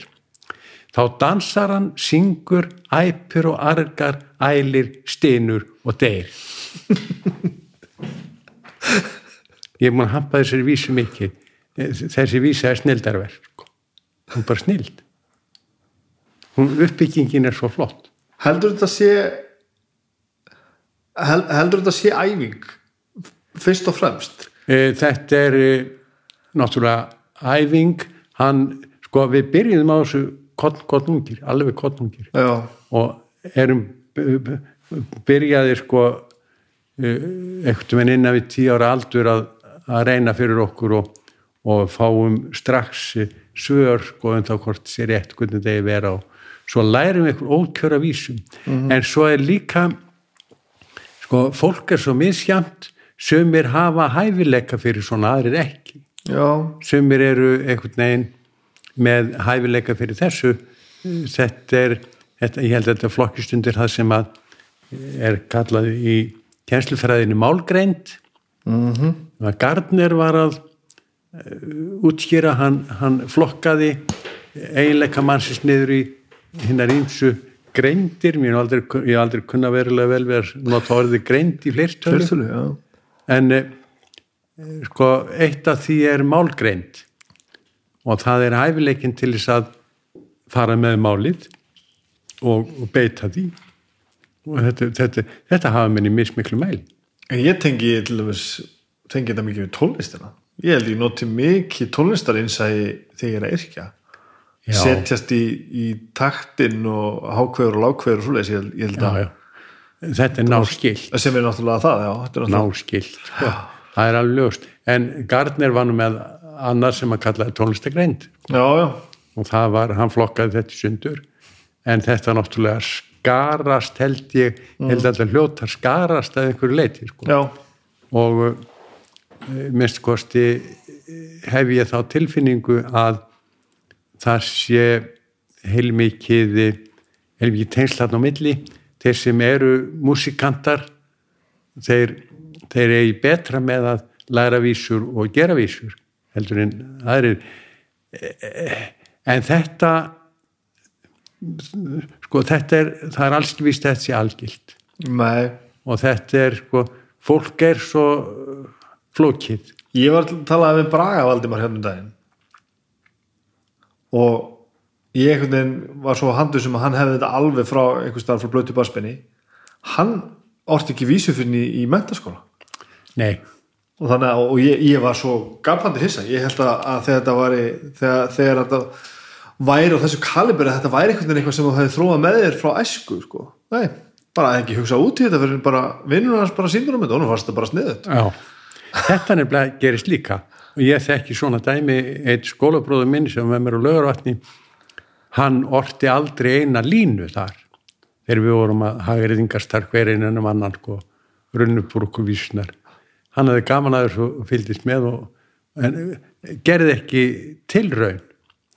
Fyrir en hann er komin sennilega undir þrítugt. Já, já, ok. Þá allt hínu fyrir hann yrkja og renn upp úr hún vísurnar hver hann er betri. Og þannig að, þannig að þetta er þetta það er svolítið erfitt að henda reyður á því hvað, hvað er hvað í þessu. Já, já, hjá mér er þetta sem sagt eh, frá því einhvern tímann þetta byrja einhvern tímann löngu ári ég mann eftir. Já, ég að ég er farin að læra kveðskap og, og hlusta eftir í því hvað sé rétt og sé ekki rétt og það er annað sem er mjög merkilegt að tala við þig um þetta. Þú ert að upplifa þetta eins og við erum svolítið bara held ég margir að horfa á bara einhverju grári fórnöld sko. Að þetta er bara virkilega þetta er dægrastýttingin og, og, og svona einhvern veginn að finna sér eitthvað að gera. Já, þetta er bara svona að, að, já, að þess að fylla upp í döðatíman við stila sko. Já, já. Og það lítur náttúrulega að gerast þú sér allan þann tíma sem fer í dag í sjónvarp. Ég er nákvæmlega það sko. Hérna kem ég alltaf bara inn og kveikja á, á, á, á skjánum sko. Já, á meðan þú hefur kannski sest niður á einhvern fyrir að lesa eða, eða yrkja. Já, þá þá við komum heim á kvöldin og hvað átt að gera? Einmitt, það var, það var bara að fara í lesturinn. Hlusta reyndar útvarp. Það voru að hlusta útvarp. Aha. Og en svo var bara lestur og, og svo vorum við bara dunda við að til dæmis yrkja. Já, ég held að við höfum, höfum þetta ekki lengur sko, við höfum ekki þetta maður yrkir ekkit óvart sko. Þetta, ég, ég þarf að setjast við sko. Já, og, og gefa mér tíman í það sko. Ég hef nú uh, reyndar undan farin ár þá hef ég ekki haft neitt sjónvarp. Já, við ákvaðum, það bilaði hjá okkur sjónvarpið það er svolítið verið tíu ár síðan. Bilaði sjónvarpið og við ákvaðum að vera bara sjónvarslaus mm kona mín er alveg fyrir svipar aðstæðu sko. vestur og landi sko. vestur í Tálknafyrði ólst upp á Svetabæði þar. Já, og hún er hún bara árinu eldri en ég. Við erum alveg á sömu, við erum alveg á sömu kynsluðinni og hún var í söðfabúskapnum bara eins og ég. Já, og við, við ákvaðum að prófa þetta. Og þá kom í ljós að okkur leið svona ljómandi vel Já. án sjónvarps. Þá einhvern veginn held ég, við höfum dottið inn í þetta, þetta gamal kunna form sem við þekktum kannski úr barnæskunni. Koma heim og það er ekkert og maður fyrir að spögla í hvað maður að nú gera. Já, sjónvarpið er ekki sko sjónvarpið tekur alltaf. Já, já, og maður kemur heim og svo er kveikt á sjónvarpinu við höfum það þannig lengi í fannafóldinni þá, þá borðum við alltaf kvöldmattin fyrir frá sjónvarpið. Já, já, emitt. og Já, við sérum hvernig þetta er hérna, það er ekkert, maður kveikja bara sjónvarpinu hér, þá er maður það er, það er málið sko. Mið, miðjan Þetta á íbúðinni. gera langt flestir en einhverju hlutu vegna þá leið okkur voða vel þegar við vorum búin að bara, bara sjónvarp bara farið. Já, svo kemur maður bara heim okkur það er ekkert útvarp heldur við getum farið í tölvut maður getur séð allt í tölvut já, já, emitt, emitt. við erum með, með okkur bortölvu bara og þar vinnum maður allan daginn. Og kíkjum maður á fréttinnar, það er svo sem ekkert. Ég veit það ekki. Ég nei, sakna sjónvarsins ekkert. Nei, og maður á kannski ekki að segja frá þessu í samfélaginu, ég veit ekki hann komi illa við eitthvað Já, en er, er það? Ég meina, hva, af hverju ættu að vera að missa? Sérstæðlega svo að segja að þú ert ekki sko þú ert ekki að klippa þig frá öllu. Þú sér þetta allt í tölvunni ef, ef þú vilt Já. sko. þú veist, þetta er alltaf það já, og það er auðvelt að ná í þig. Já. ég veit hann bara sjálfur, það er ekkert mál. Þú, þú, þú svarar tölvupóstunni innum yfirleitt sko, klukkutíma eftir um að senda hann í því lengsta. Já, og, að, og alltaf við síma og þú veist alltaf hvað, hvað, er að gerast. Þannig að af hverju þarf að vera sjónvarp sko. já, sko en nú hef ég ekkert á móti sjónvarp en sjónvarp er fínt og, og efni þar, margt efni bara áhugavert og skemmtilegt það er allt í góðu. En sko þetta er svo mikið ég einhvern veginn saknaði alltaf pínlítið þessa sko ég held að þetta sé einhver arfur úr sveitinni. Mm. þegar maður, er svo gott að koma heim og þá er ekkert. Já, eða koma heim, já, koma heim eða bara dagurinn er búinn, ég, ég er hættur að vinna og þá er ekkert. Þá sest maður niður og höfður spöglar að byrja, hvað ætlum maður að gera? Hvað ætlum ég að gera í kvöld? Og hvað gerum við þá? segðu okkur nú okkur sem að, sem að einmitt, grípum bara fjastringuna og, og sprautum okkur með einhverju sem að, okkur er rétt. Já, já hvað gerir maður? Ég glugg í bækur eða eða eh, yrki eða já, eða fer í síman og tala við eitthvað eða spekulera eitthvað eða, eða við sitjum bara og tölum saman. Það er bara líka til í sko. Já. spekulera eitthvað. Þetta er merkilegt sko. það er auðvitað einhvern veginn að- gleyma sér í bara og láta mata sig sko. já, það, þetta er engin vandi sko þetta kemur af sjálfu sér en, en ég held að eh, þess, þessi aðgerð okkar eða þessi ekki aðgerð að fá sér ekki nýtt sjónvarp sér hitt voruð ónýtt þetta á ábyggilega einhverja rætsur í, í uppvöxtin já, held ég mm -hmm. mann finnst þetta einhvern veginn mann líður, bara ágætlega án þess. Þessi þessi þögn sem að ég sakna hennar stundur svolítið. Já, þögnin sko þetta sem að það var ekkert að gerast.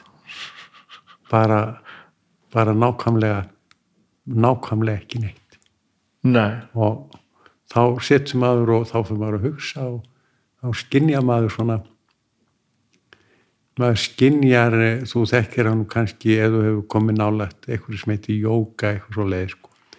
að þetta að vera kjur vera í þögninni það er mjög þroskandi sko. og það er gott fyrir mann já, og einhvern veginn nær maður betri tengslum við sjálfan sig eða, eða við eitthvað sem ég veit ekki hvað er það er allavega ótrúlega margt sem að maður sko átt að sjá þegar maður stoppar aðeins bara og, og horfir bara slakkar aðeins á og, og, og, og missir sér ekki öllu sem er að gerast í kringum hann Já. og bara svona kemur aðeins nær sjálfur sér og bara svona þá fyrir maður að fatta fullt af hlutur sem maður bara skautar yfir dag eftir dag eftir dag eftir dag sko Já, það er ansi magnað sko það er, það er nú máli sko.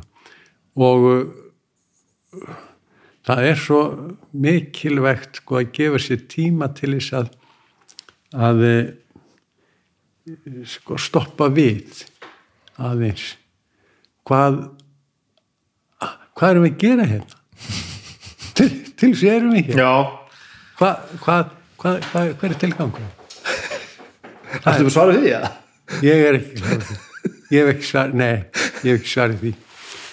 En eh, en eh, mér finnst gott að finnst gott að sko gefa mér tíma til þess að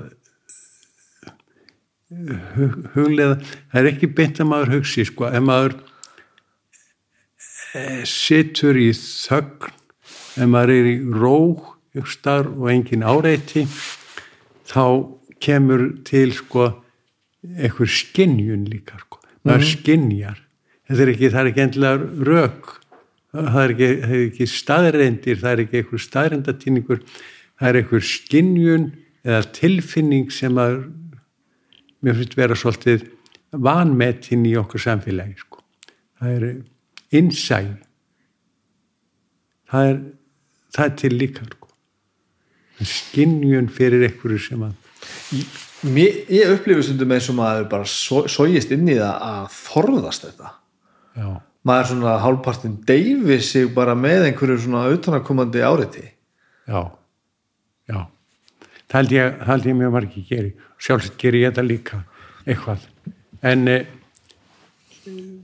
það er þetta, það er eitt af því sem ég er að reyna að forðast vegna þess að ég held að sko þögnin, innsægið og, og, og þessi tilfinning sko slakar sér niður og veri ekki að gera neitt ég held að það sé rosalega gott fyrir mann sko. á til. Þá þá maður líka að treysta sjálfur sér sko. Já, það er helvítið slæmt að að finna sig einan með sjálfur sér og koma að staði að mann líkar ekki það sem maður er að hugsa sko. já. Já, já, já. Ég er mjög grunna þá oft að fólk sé hreinlega bara að að reyna að sleppa frá því að, að, að líða bara ekki vel með það að, að vera rólega hittum sko. bara, það, það bara það, þetta sé bara það sé bara auðvöldar að flýja frá þessu heldur en að stoppa og hugsa sko. Já. Já, það getur vel verið. Ég skal ekki segja það. Ég, ég kannast vel við það að sko það er þegar maður eh, sest niður sko og, og lætur sem sagt hugan um það sko það er engin áreiti og maður lætur hugan einhvern veginn um að velja þá er ekkert allt fallet sem maður sér mm -mm. og það er ekkert allt sem mjög þægilegt Nei. en við þurfum að horfast í augu við hvernig við erum og, og til þess við erum hérna og ég held að það sé ég held að það sé eitt af því sem er tilgangurinn með þessu bröld okkar sko. það er eitthvað svo leir Ertu, hefur farið eitthvað skipulega ón í þessa hluti hugleyslu að jóka eða velta fyrir tilgangi lífsins eitthvað Já, ég náttúrulega stunda jóka, ég stunda mínar æfingar og, og þetta er búin að gera það mjög lengi sko. já, já, og það er svona, já,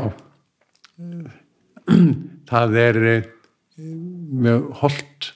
Ég hef eh, svona þráhyggju fyrir, fyrir því að eh, sína sjálfum mér svolítið virðingu.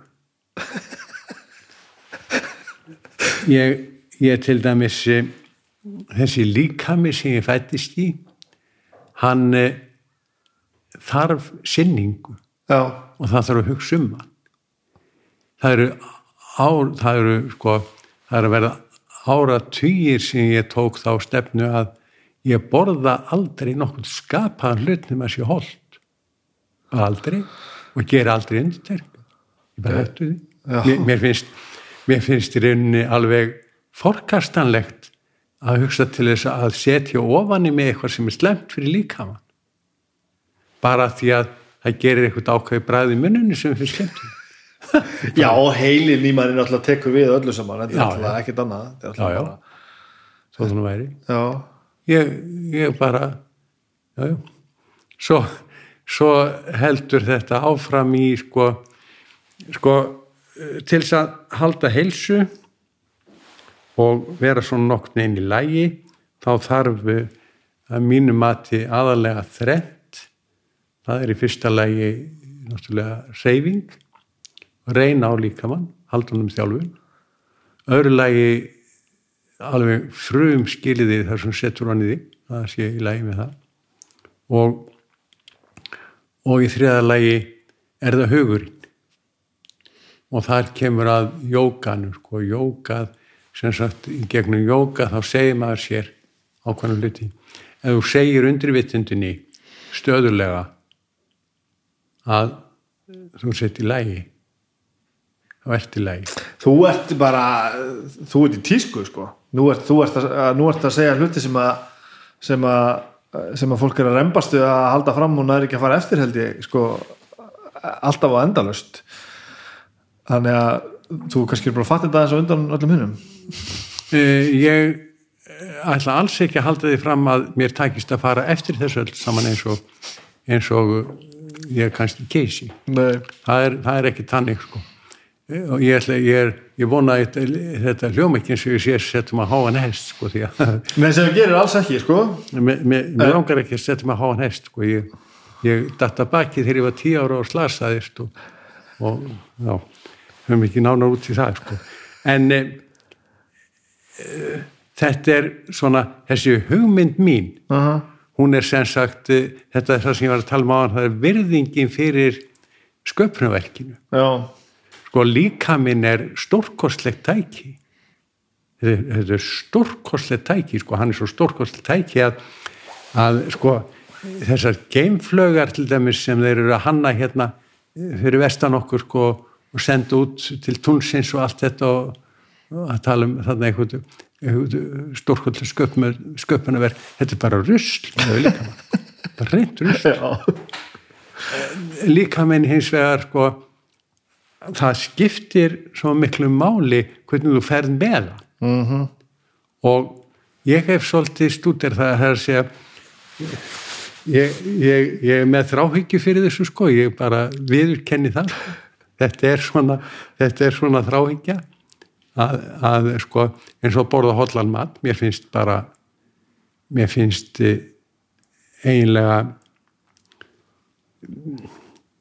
mér finnst að vera skilda mín gagvart líkamann að borða ekki eitthvað óhald Hvenar kikkaði þetta? Þú erum alltaf að hugsa þetta sem ungu maður. Þetta er svona, þetta er eitthvað sem maður hlýtur að þurfa að læra. Ég sé, ég sé sjálfum með allavega ekki fyrir mér sko, það er alveg fyrst núna ég er, ég er sko, ég er að vera- vera 43 sem ég er farin að sjá þessa hluti sko. Ég er ekki komin alls ekki svona langt eins og þú út að lýsa en, núna svona er maður farin að líta á þessa hluti og bara já þetta er allt ansi magnað sko en ég 25 ára hefði aldrei hugsað neitt í líkingu við þetta. Nei, hann er alltaf meðan maður er ungur þá þóli líkamann miklu, miklu meira. Já, mér var líka bara held ég sama. Ég var bara ekkert að hugsa um þessa hluti sko. Nei, Varst þú komið þarna? Á, Nei, nei, nei, byttu nú fyrir þér sko þegar, að, þegar ég er ungur maður þá, þá uh, nei, nei. Ég, uh, ég fer að hugsa um þetta. Og ég lendi í brennivínu um tvítugt. Hvað gerist þannig á milli? Þú, þú ert, hvenær ferða heimann? ég fyrir heimann 16 ára gammal Og þá til þess að fara í skóla? Já, Hvernig er skólaganga fram á því? Svo ég bakki nú aðeins í ég, ég fór í barnaskólinu skjöldarstöð. Þar var heimaðurstaskóli þanga fór maður í yngri deildina. Ég fór í yngri deildina nýja ára. Fór þá eitthvað tíman sennilega ég veist að það verið komið fram í oktober eða eitthvað er september, oktober eitthvað tíman þá fer ég í skóla og var þar fram að jólum komið heim Vá. og það var bara fínt. Nýjára. já, nýjón, já, já, bara flott. Og uh, árið eftir fór ég aftur í yngri deildina var þá uh, frá hausti og fram á jólum. Svo fer ég eldri deildina var þrjú ári eldri deildinni. Þá fórum við uh, í janúar svona þegar að tilleipingar voru búnar. Mikil vinna í kringu það allt saman. Þá fórum við út í skólan og vorum þar til vors og maður fór ekkert heim. Vorum bara hann bara fínt. Maður læriði margar góða leksíur og þessu, þetta var ágætt. Það var gott fólk sem var þarna og sáum þetta og, og við vorum góðum höndum og gleð ágætlega. Mm það var bara, þetta var bara fínt. Ég eh, og góða minningar og- bara góða minningar úr þessari heimavist. Já. það var ágætt, við vorum náttúrulega svolítið vittlusir eins og eins og strákar eiga að vera sko Já. og, og það var bara besta mál en e, svo kláraði ég þetta nám eh, 14 ára gamall og fór þá bara heim og var heima í tvö ár og passaði fjöð fyrir föðu minn Þannig að grunnskóla ganga er, eru þessi ár frá 9 til 14 ára í þessum Já. törnum í, heimaðskóla. Já. það er, það er nám og uh, það var ég stóð ekkit verra við þegar ég fór út úr þessum skóla heldur en börn ger í dag það, það er hægt að það er hægt að kenna þetta þarf ekkit alla hennar tíma í, í þetta nám sko. það er alveg morgunur sko. en svo er ágætt fyrir börn að vera í skólan Já, já. það er og svo ekstra þurfa að vera að ég kendi einu sinni e, fyrsta kennslureynsla mín var þá, þá fór ég nýri nýri sveit nýri helgustæðarheffi reðafjörð og þar kendi ég nokkrum krökkum. E, það var farskóli kendi var bara á bæjónum kendi þeim. Og ég kom þarna þetta er 1968 eftir áramótin kom þarna ég var á leiðinni til Vestmanneja með vinið mínum við ætlum að fara á vertíð. Og var það búin að fá nóg á mentaskólanum og fara inn í annað nefndi þess ekki. Og þá er ég gripinn þarna á eigilstöðum og sendur þarna neyrittur og mér fannst þetta spennandi og ég tók við kendi krökkunum. Það var komið fram í februar þegar að þau hefði engan skóla haft allan Já. og ég kendi þeim á þessum tíma allar þessar námsgreinar sem áttu að gera og prófaði þau sem vorin og þetta gekk fínt. Þau hristu þetta þetta voru krakkar sem vanir, vanir að vinna strákar allt saman vanir pjakkar sko. Vinna frá því þau voru pínulillir og gengur bara í þessi verk lærið þetta bara og skiluðu þess að tveimur og hálfu mánuði veturinn eins og ekkert mitt. síðan eh, sko þetta var, þetta var merkileg reynsla fyrir mig sem kennara sko að sjá þetta þetta er hægt sko Já, já. það er allt hægt að gera sko. Og, það, og, og hva, þú fyrir heima hvernig segir? 16? 16 ára, Þannig að 14 ára ertu 14 til 16 þá ertu heima bara já, verið heima að vinna ok, svo fór ég heima, ég heima fór nýr úr Norrfjörð það, ég átti að fara á Eyða en það brann skólahúsi á Eyðum sumarið 1960 og ég fór nýr úr Norrfjörð og var þar í tvö ár í gagfræðaskóla, tók landsbrú það já, já, það var fínt. Og svo fór ég norður á Akureyri. Það var ágætt. Ég, ég vann, vann inn í Sún um helgar og, og fekk að spila á harmonikku og uh, hann leisti af á böllunum í Gúttó sem harmonikkuspilari það er við komin í, í sko tónlistina sko. Hva, Já. hvena, hvern, hvernig byrjar í því öllu svona það byrjaði þannig að þegar ég var 12 ára gammal þá þá uh, kom móður minn því svo fyrir ég var sendur til organistans í svetinni og var hjá honum í viku og læriði nótunar og það stið honum bara í, í vist í viku? í viku, já. Þetta er almennilegar vinnuða fyrir bara gangi í verkin bara og klára þetta. Ég var þarna bara í þessu og ég byrjaði á mótnana svona um nýjuleitið og þá sett hann mig fyrir og svo fór hann út að sinna verkum sínum og svo kom hann inn um háttegið og þá, þá var ég búin að æfa þetta sem ég átti að gera og þá setta mig meira og, og svo æði ég mig og ég satt allan daginn við. er stórkostlegt. Og þegar ég, sko ég þekkti ekki eina einustu nótu þegar ég kom þarna viku byrjun og þegar ég fór heim viku setna þá spilaði ég bara fjórrættaði báðum liklum já, ok það trúur sér enginn að mér er alveg sama en ég var, ég var rosalega fljóttunum af þessu ég var bara engar stundum af þessu og var einhver fóttu fyrir að mamma sendið á stað? Sá hún þetta í þér eitthvað svona þess hún sá, já, hún, sá ég var í orgelinu sko, var alltaf að eitthvað fyrir orgel. Já, já, það var til orgel heima gammal og hún vildi endilega leiða mér prófa þetta. Svo, svo æði ég mig bara og spilaði og ég greip í að spila við messur einstök sinnum. Ég var þetta halda sem ungu maður. Já, setna fór ég svo í þetta þegar ég var löngu, löngu setna þá fór ég aftur í þetta vestur í dölum og var, fekk að spila í kirkjónu þar og æfa kórin það var ægilega gaman, já, nokkur árið því. Mjög gaman. Er orðið þess að einhver partispilari þarna á, á, á skólaárunum þá? Komum við nikkuna á það allt saman? Já, ég fekk, ég náði harmon upp í 14 ára gammal sko, og kefti mér svo kefti mér svo harmon upp og að- spilaði á ég var með alveg dellu fyrir þessu, ég var óskaplega gafna þessu Mm. og spilaði mikið á böllum og, og svona það sem tilféll Og ertu þarna farin að heiman og veist það að þú ert ekkert að fara, þú ert ekkert að fara tilbaka í, í sveitstörfina? Já, já, ég kom heim á sumrin Já, og var þá átti kindur. Þetta var, tekistofnin -hmm. fór og heiaði fyrir þeim á sumrin og svo fór ég á haustin í skóla og, já, og, og uh, þetta var já, þetta gekk þannig. Ég kom ekkert heim í rauninni eftir þetta sko, ekki til þess að vera. Mm var á flakki bara. Það var það var svo sem það var svo sem ágætt þetta var, maður var stefnilaus og rugglaður og ekkert hvort ég var að koma að fara yfirleitt nú? nei, nei, ég, nein, ég já, ég átti svolítið erfitt með að fókusa á þessum tíma Sem Leið- hafði ekki, ekki, hafði ekki háðið fram að því? Eða?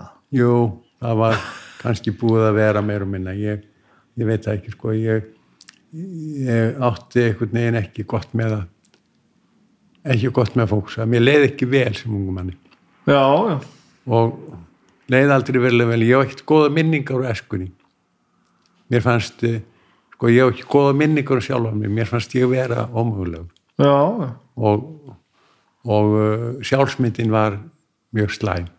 Og mjög slæm. Og, og, og það er það er ég veit svo sem einhver orsaki fyrir því. Ég, ég nenn ekki að spekulera í því það er það, það er óþarfi já. en, en þetta var starrend og ég síðan e, fer að leysa þetta með brennivíni já. og það er kannski alversta lausnin sem að sem, að, sem er hægt að finna. Þetta var akkur þannig, tvítugur eða? já, Já. það voru akkur og ég fór í brennivínið og, og uh, notaði það sem meðal til þess að líða vel Já, og mér leið ljómandi vel með ég var fullur já, og svo rann að manni og það var mjög óþægilegt og þá var bara hugsunin svo hvernig kennst í næsti brennivín og þetta strax orðið svona, mustu? Já, um leið. Já, var um leið sko, það var, það var ég upplifði aldrei neitt eh, sem hétt eh, svona sem verður hægt að kalla eðlilega eða, eða normal neyslu áfengi sko. það var, Nei, það var þetta var einhvern veginn fór strax fullkomlega auðvult honum já, já. og Tvítugur, vo- voru ekki menn byrjar að drekka fyrir það á þessum tíma? jú, ég ætla aldrei að drekka ég stóð alveg harður á því ég ætla aldrei að drekka brennivinu vegna þess að ég vissi að það myndi enda mig úr. Já, já, þú fundið þetta í þér. Já, ég, ég vissi alveg að ég geti þetta ekki. Svo, svo endar bara með því að mér liður illa og, uh, og ég er ónóður sjálfuð mér og það er allt ómögulegt og uh, þá hugsa maður uh, breytir þessu svo miklu. Bara Já. fínt, bara fara sér neðan í. og drakk mig fullan og það var dásamlegt og mér leið vel þegar ég var fullur alveg ótrúlegt sko. og, og eftir það hafði ég ekki kontról á þessu já, og, lit, og sem hefur þá litað bara árin sem komið á eftir alveg, sem hefur þá litað öll árin sem á eftir komið Já. já, bara alveg. Það varði ekkert neitt og neinu sko og uh, ég ranka við mér 15 ára setna sko, 35 ára gamall. Þá, þá fer ég í, í meðferð Mhm. og þá bara þá bara komst í lag. Og búin að eitthvað síðan eða? já, já, þetta, það, það, þú tókst bara 15 ár. Já var ekki, ég var ekki vínin af 15 ára hins vegar er ég mjög afkasta mikill maður og ég drakk mikið brennvín það var alveg á hreinu sko. ég, ég, ég hef alltaf, alltaf verið þannig það er, það er alveg á hreinu hvort ég er að gera eitthvað ekki sko. Og þessi 15 ár þau fóru í alveg hrikalega vilsu og, og við hefum búin að gera marga marga afar vilsa hluti á þessum tíma og ákvarðan takkan var yfirleitt út í róar hvað varst að gera svona í lífinu? Hvað, var- bjóstu á þessum, á þessum árum? Ég var e, náttúrulega framanlega í mentaskóla, kláraði mentaskóla en e, fór svo í háskóla, það var náttúrulega ekkert viti því. Ég datt út því eins og skot og fór að vinna í skiparsmiðarstöðu til Malmö í Svíþjóð. Og e, það fór ég heim, fór svo bara sjóin ég var mikið á sjó. Ég var e, árun saman á, á sjó fiskveðum einhverjum. Og e, svo fór ég að kenna. Og það var gaman sko, það var mér fannst gaman, alltaf finnst gaman að kenna. Mm. og ég var að kenna við grunnskólan svolítið. Og uh, það gekk uh, eiginlega vonum framar uh, nema þetta að, að náttúrulega ég hafði aldrei stjórn á vinninu sko. og það kom alvarlega mjög alvarlega niður á, á starfinu stundum sko. Já, já, og ég var þess vegna aldrei yfirleitt aldrei nema einn vetur hverjum stað. Já, við erum bara alveg með, að, þetta er alveg svona bara. Já, já. er þetta ekki erfitt? Er þetta ekki slítandi að vera alltaf að hugsa einhvern veginn lausnir á öllu ég myndi segja að erfitt væri það sem kallað er á útlendum máli understatement, já, þetta var skelvilegt það er skelvilegt að lifa sko. og ég sá enga lausn og ég ég skildi aldrei alveg hvað var að. Og sko síðan hætti ég að drekka. Og mér tókst að vera edru í heilt ár einu sinni rúmt, rúmt ár. Og það var alveg skelvilegt að vera eitthrú Já, það var alveg skelvilegt vegna sem ég leiði svo illa. Brennivíni notaði ég til þess að deyfa mig. Mm. og þetta er sjálfsmyndar kreppa og það er nú betra kannski að fá einhvern sjálfræðingin til þess að útskýra þetta. Eða þerapistan ég, ég svo sem e, ger kannski ekki alveg e, það, það er kannski ég er ekki hlutlaus í þessu máli. -hmm. og það er alltaf erfitt að meta sjálfan sig. En það sem ég man eftir þessu tíma var bara skelvilega líða Þetta tala um þetta ár sem þú hættir eða bara í, í gegnum þetta allt? bara gegnum þetta allt. Já, já, og sérstaklega þetta ár sem ég hætti að drekka sko, þá, þá hætti ég bara. Ég fór í stúku og stúkan fín sko og, og þar hitti ég fullt af góðu fólki og hafði allt fyrir mig gera það, það ekki, en það var engin tólspor sko. Nei, og það var engin vinna í mér sko. Nei, það var ekki gert. Ég held áfram með alla ránkumindirnar og alla vanliðanin og, og þessa sundur brotnu sjálfsmynd og allt. Og það lagast ekkert. Svo enda bara því, með því ég fór í brennivín aftur. Og drakk mikið til að bæta mér upp þetta ár sem að þannig að þannig að eh, sko það er ekki fyrir hann að ég fer inn í tólsporakerfið og fer að vinna í þessu og finn út sko alls konar merkilega hluti um sjálfan mig sko. þá gekk þetta og fekk síðan stuðning góðu fólki Þannig erum við komin að mjög áhugaveru partí með hérna með, með neyslunum og allt saman. Sem að kemur mjög oft upp í, í spjalli við fólk sem að einmitt er í hefur, hefur hætt, að, hætt neyslunni sko, hætt að drekka, hætt að dópa eitthvað það er. Það er alltaf sko að og þú ert að segja þetta nákvæmlega núna að, að, að vinna í sko vinna í vandamálunum sem er ekki endilega sko drikjan Nei, að því að eitt er nú að, losa sig við brennivínið sko, en til þess að það allavega eins og ég er farin að skilja, skilja þetta fólki sko, að, að sko, hvað er orsakjun og hvað er afleggingin sko, vanlíðaninn sko, svo kemur brennivínið og, og, og sko, skvettir ólí og þann eld og svo tilbaka og, og þetta einhvern veginn fer allt í einhverja ringavill þannig að sko grundvallar atriðið í þessu var að skilja að vandamál mitt var ekki brennivín. Nei, kannski, einmitt það, það, það komið mál vekt við þegar ég var búin að eins og ég var að segja við því held ég áðan þegar ég var búin að sko, ge- gera upp þessi mál sko, Mm. hvað var að sem er nú uh, langur listi og, og skröldlegur sko. þegar, að, þegar maður er búin að vinna í þess þá mjög aldrei nokkuð tíma langa í brennivinu hvað er ekki eins og að mér nei, bara aldrei nokkuð tíma dotti það í hug og ég er stundum innan um fólk sem er að skemmta sér og mér finnst það bara fínt. Já ég hef séð það. Já, set, nú, hérna, setjum nú upp dæmi sem ég veit er kannski ásangætt að setja upp. En gefum okkur til dæmis það að þú myndir fá þér í glas núna. Já. heldur þú getið þá notið þess núna? Að þú ert á öðrum fórsendum nei. Ekki að ég sé að kvitja til þess, alls ekki en, Nei. en Já, ég, ég veit alveg, ég veit alveg sko, ég er búin að vera innan þennan, í þessu slag innan þetta fólk í þarna rúmlega 40 ár. Og ég veit nákvæmlega hvað, hvað gerist. Já, það er svo margir lett í þessu. Að gera nákvæmlega þetta. Já. já, já, menn hugsa með sér, nú er ég svo fít sko. já. Nú get ég, nú get ég bara drukki á allt örum fórsend akkurat, ég er að það sem ég er að meina en ef fórsendurnar eru nákvæmlega þar sömu og þú voru fyrir 40 árum. Þó að, þó að þið líði betur þó að það verður ekki að fara niður til þess að já, já, sko þetta kölluðu þeir þegar sko, ég var að vinna hjá galda og þá stúderiðum við svolítið eh, sem sagt alkoholismann og þetta. Þeir kölluðu þetta frumu aðlögun.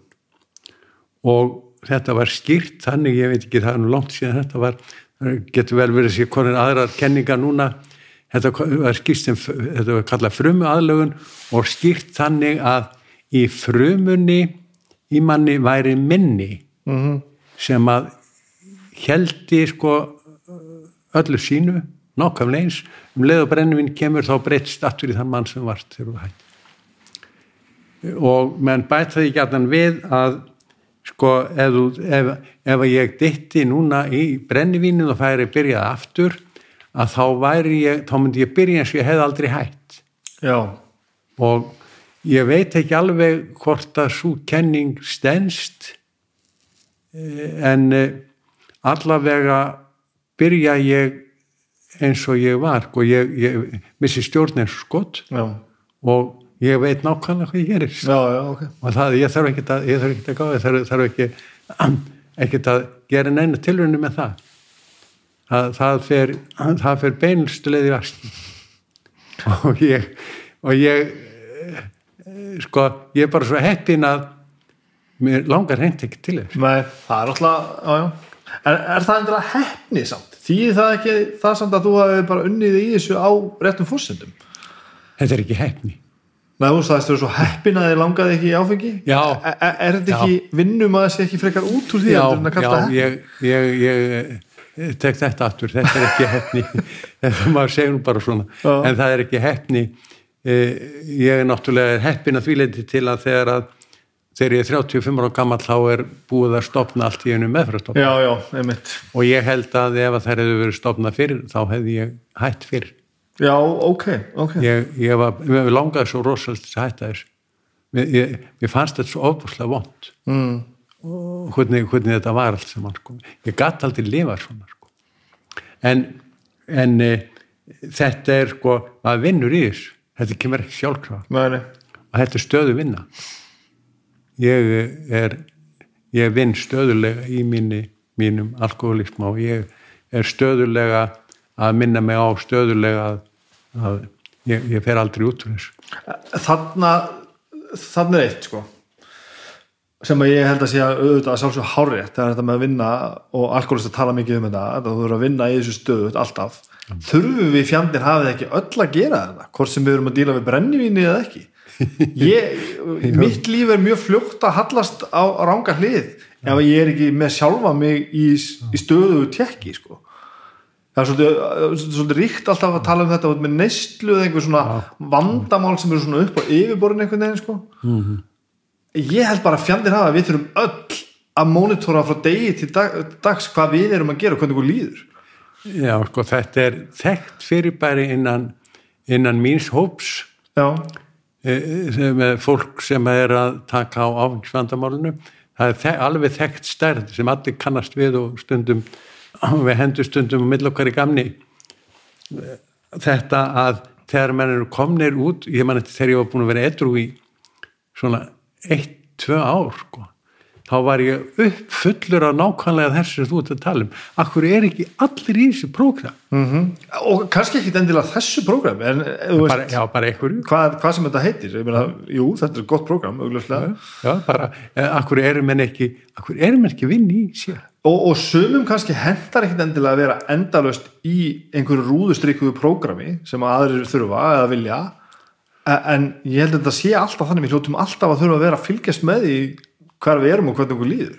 Já, já sko þetta, þetta á við nákvæmlega allar sko, þar sem að, þar sem að hefur gerst hjá, hjá mér sem sagt og okkur sem að höfum farið þessa leið e, er að sko það sem gerist það sem gerist hjá alkoholista sem fer í meðferð og, og nær svona hafmyggisjónlega komið sér út fyrir þessu þá erum við búin að finna einhvern kjarnar einhvern, grunn einhverja grunnþætti í manninum sem við erum að rækta.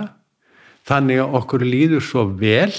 Við erum, lifum hafmyggsum lífi við viljum ekki fara aftur í výmuna mm. og auðvitað er þetta á þetta við um allt fólk. Já.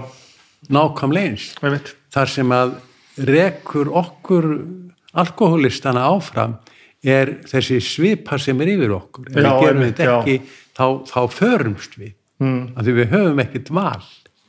Þá förum við í hvað ég hef aldrei lifað nema kannski tíu ári viðbútt já, einmitt, einmitt. já, ég veit það ekki en það, það, það sko við, við höfum yfir okkur þessu svipu og þess vegna keirum við á þetta. Og, og sko þetta liggur í því að lifa hamingsum lífi. Mm. það er grunnurinn. Til sér við aðeins öll saman.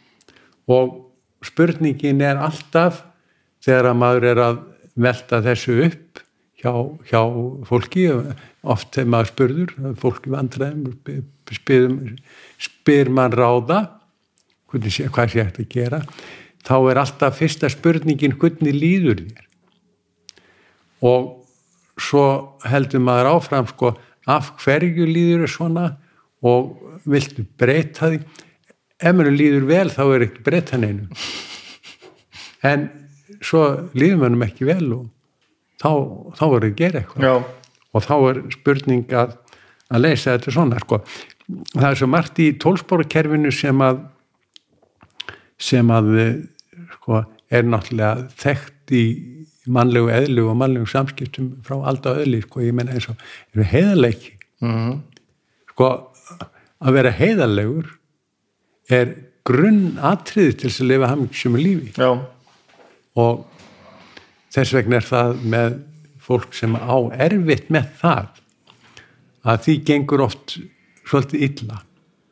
Ef menn, menn getur ekki verið heiðarlegir það getur verið orskaplega snúið. Já, já heiðarlegheit eru eru svona grunn þáttur í því að lifa hafmyggsum lífi.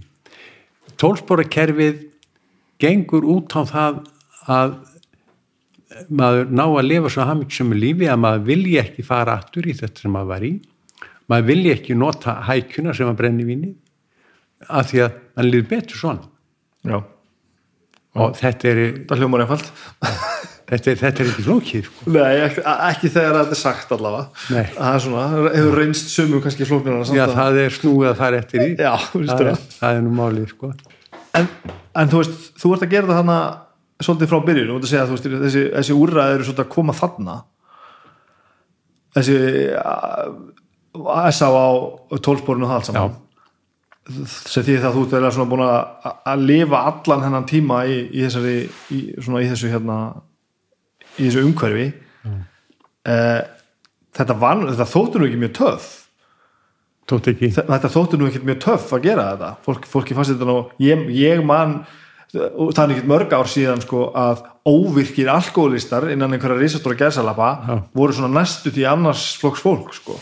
Það var svona það var svona einhvern veginn eitthvað ástand sko á meðan maður finnur kannski svona bara síðustu 5 og 10 árin þá hætti fólk bara að drekka og það er ekkert stórkvöldlegt mál, það er bara að fara vel með sjálfsi og ekkert vissin já, já, það er eh,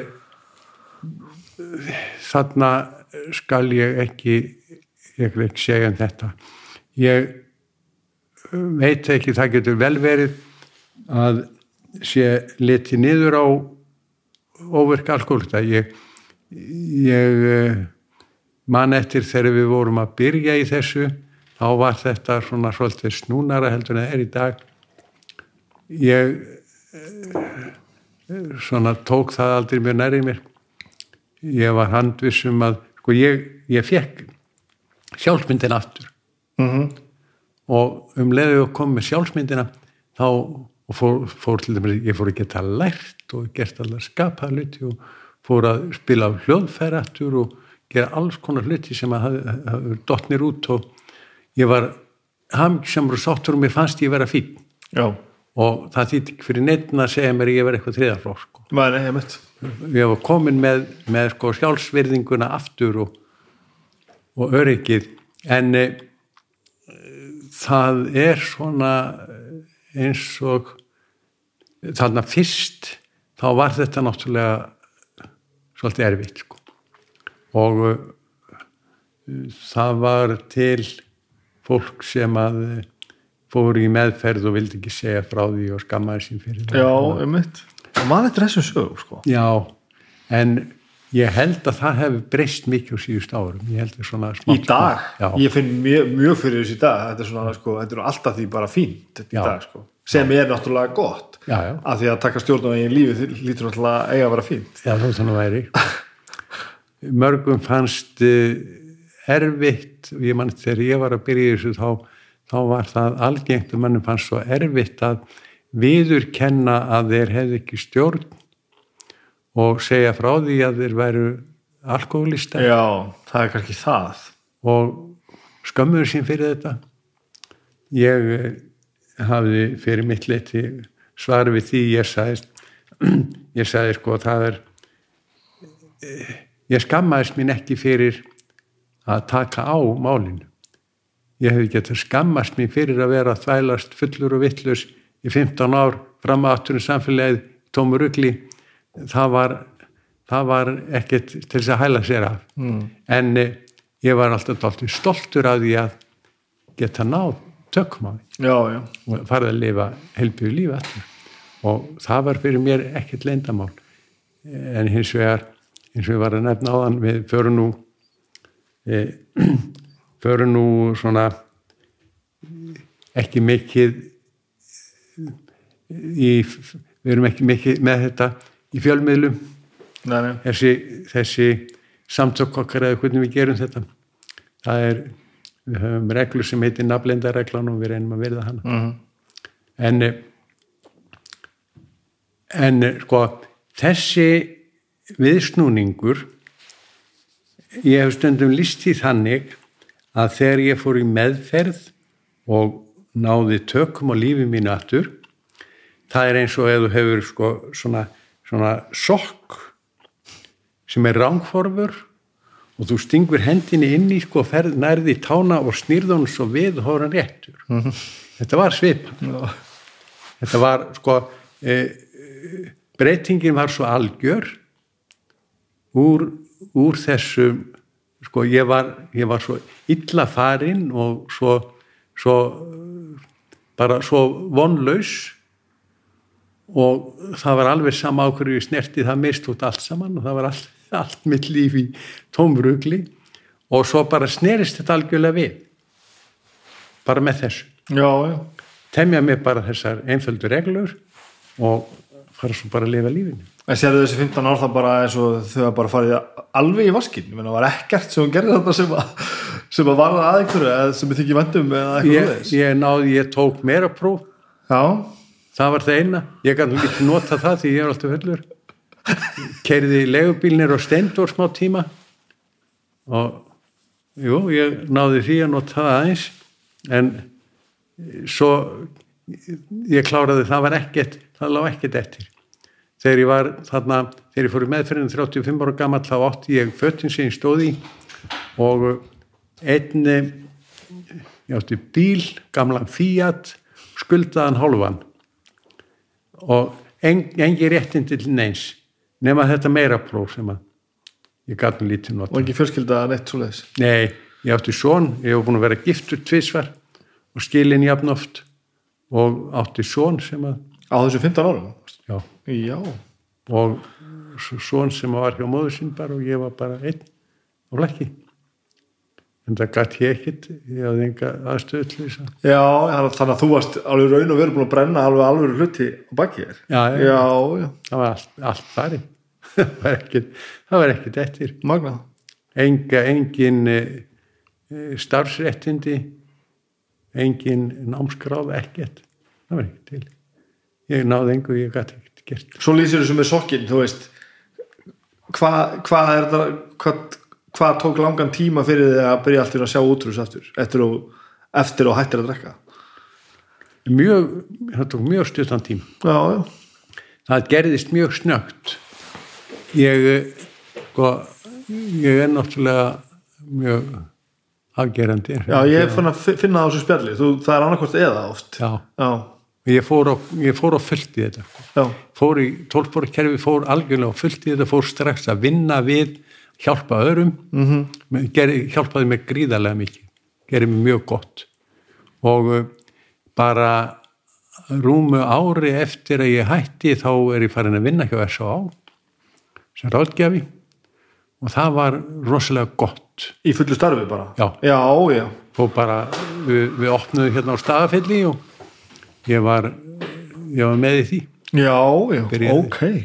Byrjaði þar og við hjónin bæði fórum þangað vestur og, og fórum að vinna þar sem ráðgjafar.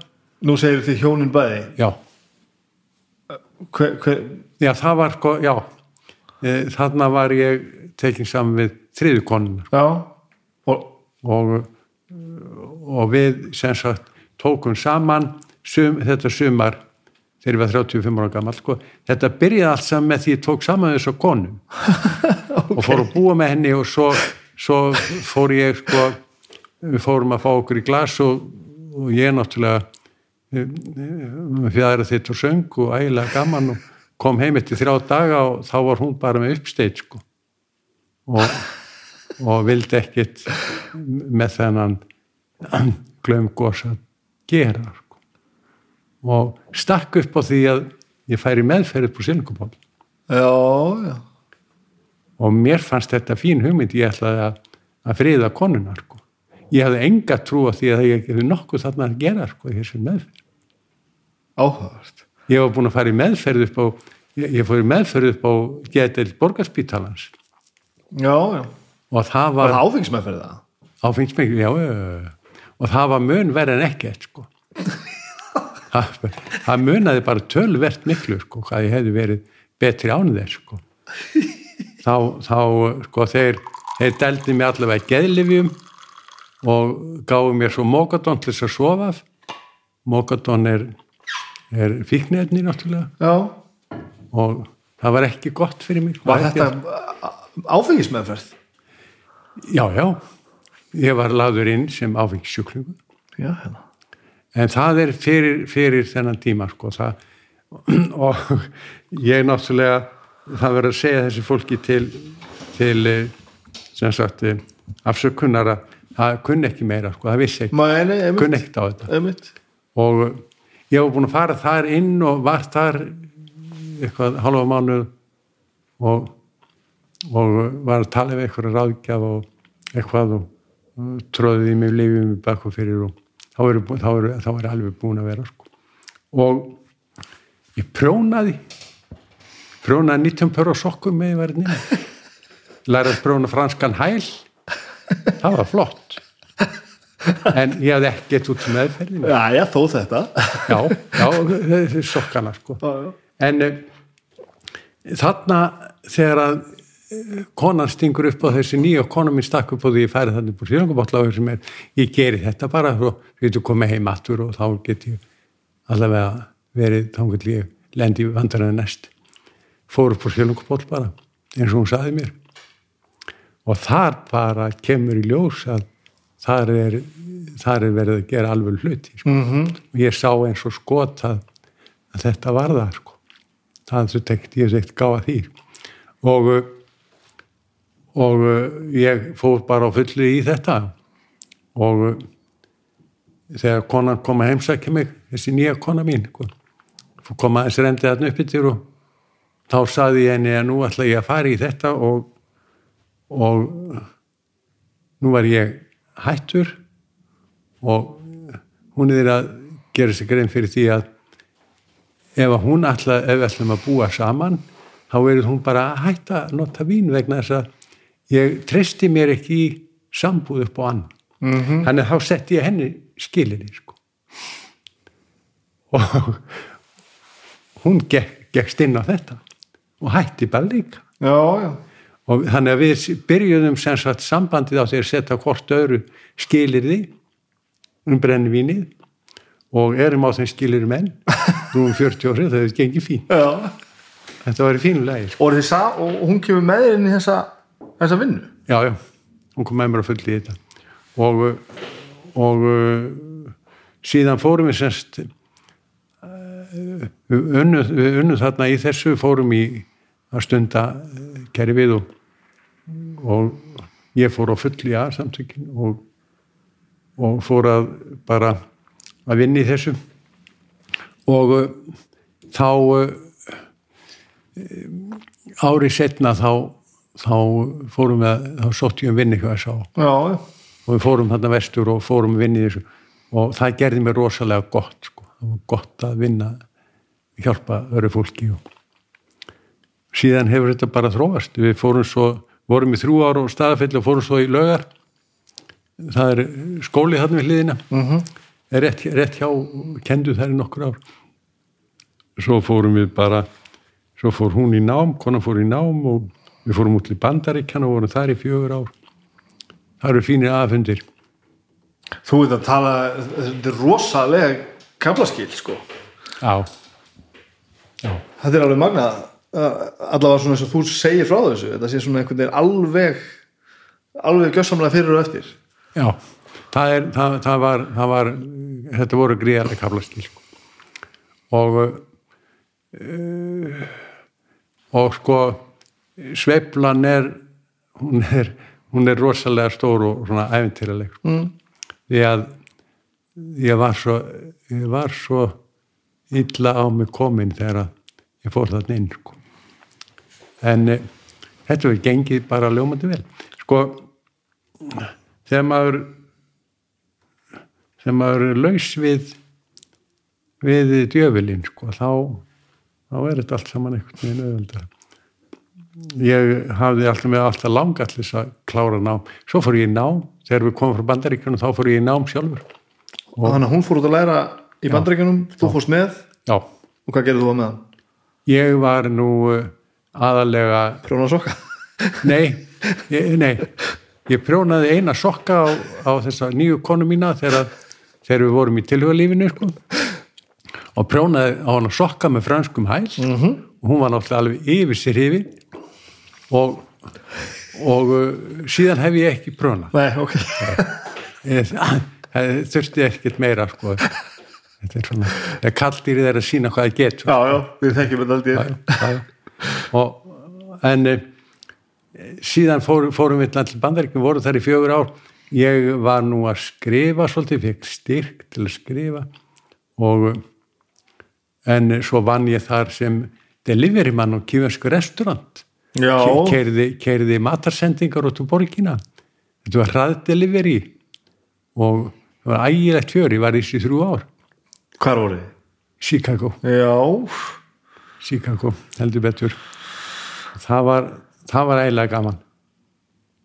Sk skrautlegt líf. Já, þetta var svona restaurant sem var undir einni játbrötastöðinni og svona þriðja, fjórða eða fymta flokks, ég veit ekki, það var ekki mjög mjög kræsilegt allt. Og þar var búin til matur og svo var svo keirðum við, sko, fólk ringdi og pantaði, sko. Svo keirðum við matarsendingarnar út og gekk mikið á. Sko, nú ert þú að lýsa, þú veist í- íslenskri sveita æsku afskekt Já. og heimavistaskólum og, og, og svona íslenskum uppvexti akureyri fyllir í 15 ára einhvern veginn svona íslenskur einhvern svona kaldur, blöytur raumurleik einhvern veginn. Og þú svona bara, maður sér svona fyrir sig kannski svona einhvern íslenskan svona svona sveitakall einhvern veginn, sveitamann. Og svo er þetta allt í einu bara komin til Chicago á, á fullt og búin að koma styrk til þess að skrifa á eitthvað. Var þetta ekkert yfirþyrmand allt saman? Já, það er það. Ég veit það ekki, þetta kom uh, af sjálfur sér, sko, ég er náttúrulega á þessum tíma sem ég var í brennivínu, þá er ég búin að senda frá tveir ljóðabekkur. já, nú, byrjað, einmitt, það hefur eitthvað gerst þetta já, Já, ok. já, það er rétt, já, Já. ég, ég glemdi nú. já, Það, það, það er ekki rétt að hafa ekkert nei Ég ok. gaf út ljóðabóku 1974 -hmm. og svo aðra 77 og það var það sem að lá eftir þennan tíma. Ég bara, ég glemdi þessum en uh, þannig ég var byrjar að skrifa sko, og var svolítið að þrefa fyrir mér í því. Svo þegar við förum út til Chicago þá erum við búin að senda frá mig fleiri, fleiri ljóðabækur og byrjar að eins og kennslubók skrifum og, og fekk styrk til að vinna kennslubók fyrir grunnskólan og vann hana og kláraði hana og svo fekk ég aftur styrk til þess að vinna brakkfræðibók og kláraði hana líka. En þetta var ekki nóg þannig að ég veit að við veitum að hafa eitthvað að tekjur og þá fór ég í kersluna og, og þeittist um borgina með kynverska mat. Já, hérna. Það var flott. Þetta var svona já, þetta var svona restaurant sem var rekin á svolítið hætnum fórstundum með það er, það er svona neðanjarðar hakkerfi í bandaríkjum mm. sem að uh, yfirvöld vita vel af en reyf ekkert við sko. hann unnu með mér aðalega ólulegir innflytjendur já, og þeir náttúrulega hafa engin réttindi og það var hægt að bara segja þeim ég þetta er sem út í frís og, og ef, að, ef út í það fór og uh, þetta var svona svolítið, þetta var svolítið svoleiðis. Ég kynntist þarna uh, alls konar fólki. Mexikanar, ólulegir innflytjendur frá Mexiko og uh, frá Östurlöndum líka. Góður vinur minn sem var japansk, kynverskur flækingur sem kom þarna mikill vinur minn, heit Kihoshi og og svona þetta var mjög, mjög skrautlegt allt saman. Ég held að þessi staður hafi aldrei verið ég held að aldrei verið almennilega skráð eða eitthvað neginn sko. Eh, hann eh, maður skrifa aldrei undir neitt eða það var ekkert neitt svo leiðis hann réði mig bara og ég vann þarna og svo eftir vikuna þá fekk ég útborgað og þá, þá reknaði hann á fingurinn sér hvað ég unni marga tíma og svo fór hann í vasan og náði þær í seðlabúntið og, og týndi að seðla handa mér. Og svona, svona virkaði þetta. Hvernig fegst þess að vinnu? þetta var þannig að við sáum auglýsingu, það hekk auglýsing þarna út á glugganum, maður labbaði þarna frá hjá þeim að koma lest inn alltaf og koma neður um miðbæn og eh, okkur í huga að fara þarna inn og við vorum þarna saman Sigurlína.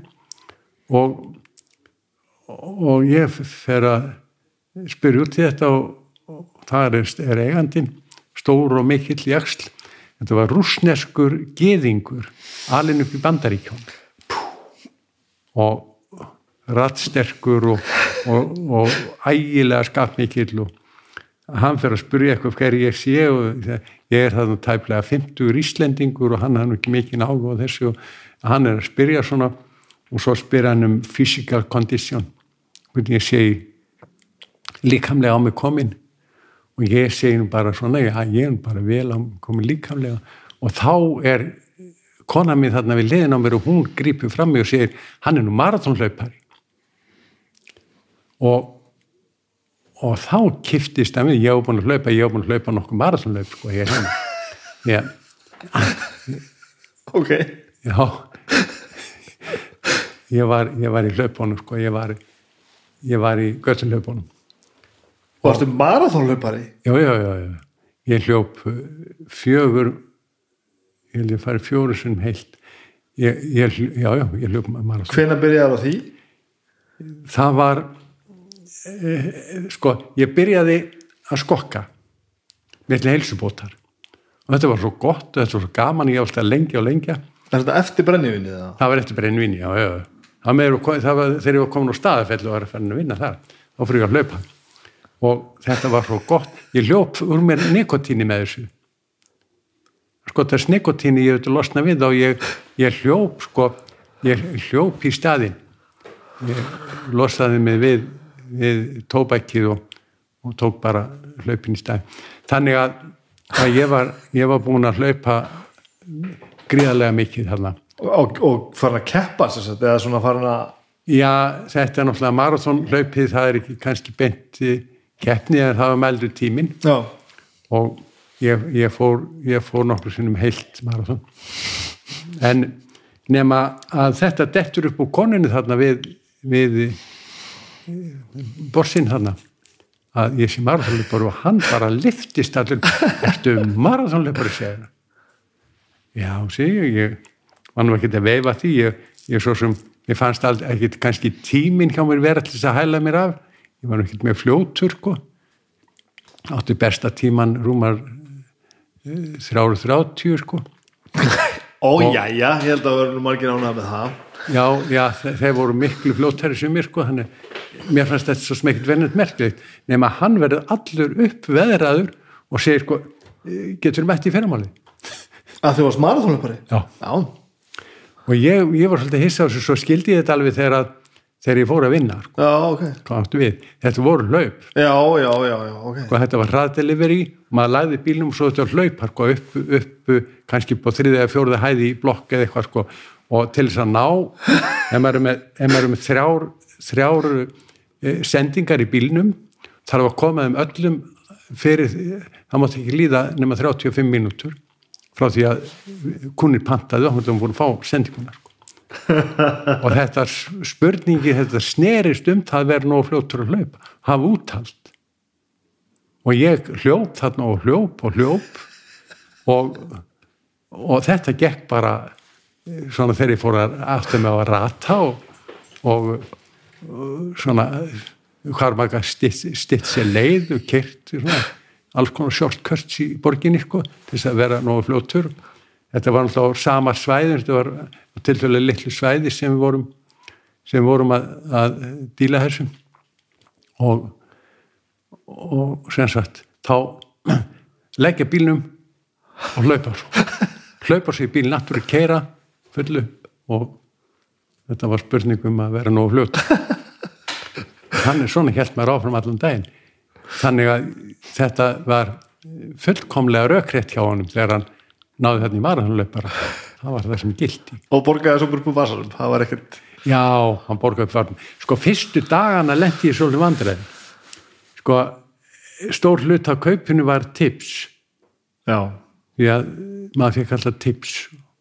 Kunnin, það var svona mismikið, einn og halvu dólar þótti bara e, sjálfsagt, sko. Og stundum meira. mm Þrjá, fjóra dólar eða við vorum mjög ánæður. og og ég komst að því fyr- fyrstu dagana þá þá sko þegar það var búið að leggja saman ég setti allar nóturnar sem ég afgreiti ég setti þeirra svona spindil það var sérstaklega spindil fyrir mig. Og svo lagði hann sama það sem var á spindlinum það sem ég farið með. Og þá var ekkert eftir. Ég alltaf hissa á þessu. Og það var það var hérna tipsið það bara eins og þau gufað upp já, já og ég skildi ekkert í þessu fyrstu tvo-þrjá dagana nema svo fór ég að skoða þetta sko. þá sá ég að strákarnir sem voru þarna að keira, sko, við vorum með þrý fjórir alltaf á vaktinni sko. þeir skellt alltaf einu einni nót og spindil í minn og þá, þá borgaði ég það sko. Og þá var það tekið af mínum penningum og þá mátti ég þakka fyrir að vera ekki bara komin í mínus já. svo leiðis að Þetta er svínslega sínslega hefur það. Já, sko þetta ég sá náttúrulega við þessu eins og skot eftir það fór ég að fara yfir nóturnar alltaf passaði upp á sko og fór í gegnum allan bunkan og sagði hendi hann aftur þeim nótur sem ég hafði ekki farið með. Uh -huh. og sagði ég á ekki þessa ég á ekki þessa, ég fór ekki þessa og þá fór þetta að lagast en það hættur þessu strax sko, þegar ég sá þetta þýtti ekki lengur sko. þá, þá, en þeir sko þessi mannskapur sem var þarna sko, þetta er menn sem björguðu sér sko. já, fínir strákarum er hútti reglulega vendum þá og allt gott um þetta að segja en eh, sko ef þeir náðu eitthvað í penning þá tók þeirra það var ekkert Sjálfsberg, sjálfsbergar já sko þessi þetta er, þetta er hópur sem er þarna réttinda laus og Já, aðstöðu einmitt, laus í samfélaginu og ég sko ég skildi alveg hvað, hvað þið voru að gera sko. og þess vegna fannst mér þetta aðlega bara að fyndið sko. þetta, þetta, er, þetta eru menn sem að bjarga sér á hverju sem að sko, hvernig sem allt, allt leifilegt eða svona minnst sko til lang leiðina. Heldur einhverju sambandi við ein, einhverja frá Chicago? Nei, ég hef nú ekki gert það. Ég fór aðeins út eh, 97 þegar Sigurlina var að verja. Þegar hún var í dóttursveitkernina þá hitti ég á hún sem atur það var svo smágætt þetta voru en það var mikil það var mikil starfsmannavelta í þessu. Ég get ég ímynda með það, já það var að gekka á öllu sko. þetta var þetta var en það var svolítið gaman að kynnast þessu samfélagi Já, þetta lítur að vera ansi ansi ólíkt því sem það hefur verið að gera þarna. Já, Þetta er ansi djúb lög að stökk út í Já, þetta var, þetta var ansi snúið sko. og þetta var erfitt. Þetta var rosalega erfitt að, að setja sig inn í þetta en svo þegar þetta kom, þegar maður komin, þegar maður farin að rata og orðið vanur þessu þá, þá fór þetta lagar sko. Ég hafði heilmikið fórskota því að ég kom á hlaupunum sko. og hafði úthald alveg út heila, heilu dagana sko. geta hlaupið alveg endalast. Hvað var hún að læra þarna? Hún var að læra sálfræði Já, já og var þarna í, í við vorum þarna í fjögur ár semst. Og kláraði hún svo, er hún doktor í þá? Hún er doktor í sjálfsfræði doktor í sálfræði? Já. hún fór svo heim og fór að kenna við háskólan Já, var professor hér á háskólan já. Alveg fram þangur til hún fór eftir laun Og hvað séu, þú kemur svo heim með þið og þá fyrir þú að læra? Særu það, særu það, særu það. Þá eh, skellti ég mér í bóðið upp á mastersnám í kennslufræðum. Ok, og ég eh, skellti mér í það sóttum og fe- fekk inni og, og kláraði master í kennslufræðum. Uppgötar svo þegar ég var búin að orðin master í kennslufræðum að þetta var eiginlega það sem ég langaði að vinna við. Svo ég sótt um eh, fljótlega aftur um master í íslensku. Og fór í mastersnám í íslensku og eh, kláraði það og fór svo í doktor. Og þannig eru, hvað er árið orðið þarna? þegar ég varði doktorsritjörinu mína það var það er 2010 2010 já, er það svona langt síðan? Já, kannski. Já, það var 2010 það er oktober 2010 þú varst þar, þar var ég, já Er fín mynd til af okkur. Já, hún er glæsileg. Já. það er ekki vendu þá mynd. Hún er og ah, mér er ekki alltaf vænt um sko, kommentir sem þú settir og þú byrtir hana aukstarinn á netinu og saðir myndin er tekinni rétt eftir að annar okkar var doktor í, í, í brakkfræði mér líka þetta vel. En þannig eru þið alkomin heim? Meina þið, þérna, þið eru búin að vera í Íslandi síðan eða hvað? Búin að Þið, eru búin að vera í Íslandi síðan þetta var? Þið, þið fóruð ekkert meir út? Un, Jó, ég fór nú út uh, ég var við háskólinni Gautaborg þegar ég var í doktorsnáminu þá, þá, var það, þá var það raunlega að krafa að maður tæki hlutanáminu ellendis og ég var uh, við, tók eina önn við háskólinni Gautaborg og það var ágætt. Og fórum svo til Berlínar og vorum þar smá tíma. Þetta er veturinn 1900, er veturinn 2067 mm. þá vorum við þarna út í annars höfum við bara verið heima. Já. og mér finnst langt best að vera bara hér. Ekki þetta Nú segir þessi, þessi kennslufræði hafi ekki verið það sem að sem á helstur væri eða langaði til að gera. En samt þetta búin að kenna mér um hérna já, mér langaði uh, öðruvísi ná það, það var allt til að taka kjenslufræðinu sko, það var svo mekkert vera en uh, mér langaði ekki til þess að fara í, í stúdíu þar, mér langaði alltaf í brakkfræðin mér langaði til þess að fara í brakkfræðin og, og uh, þetta var svona uh, þetta var svona millileikur.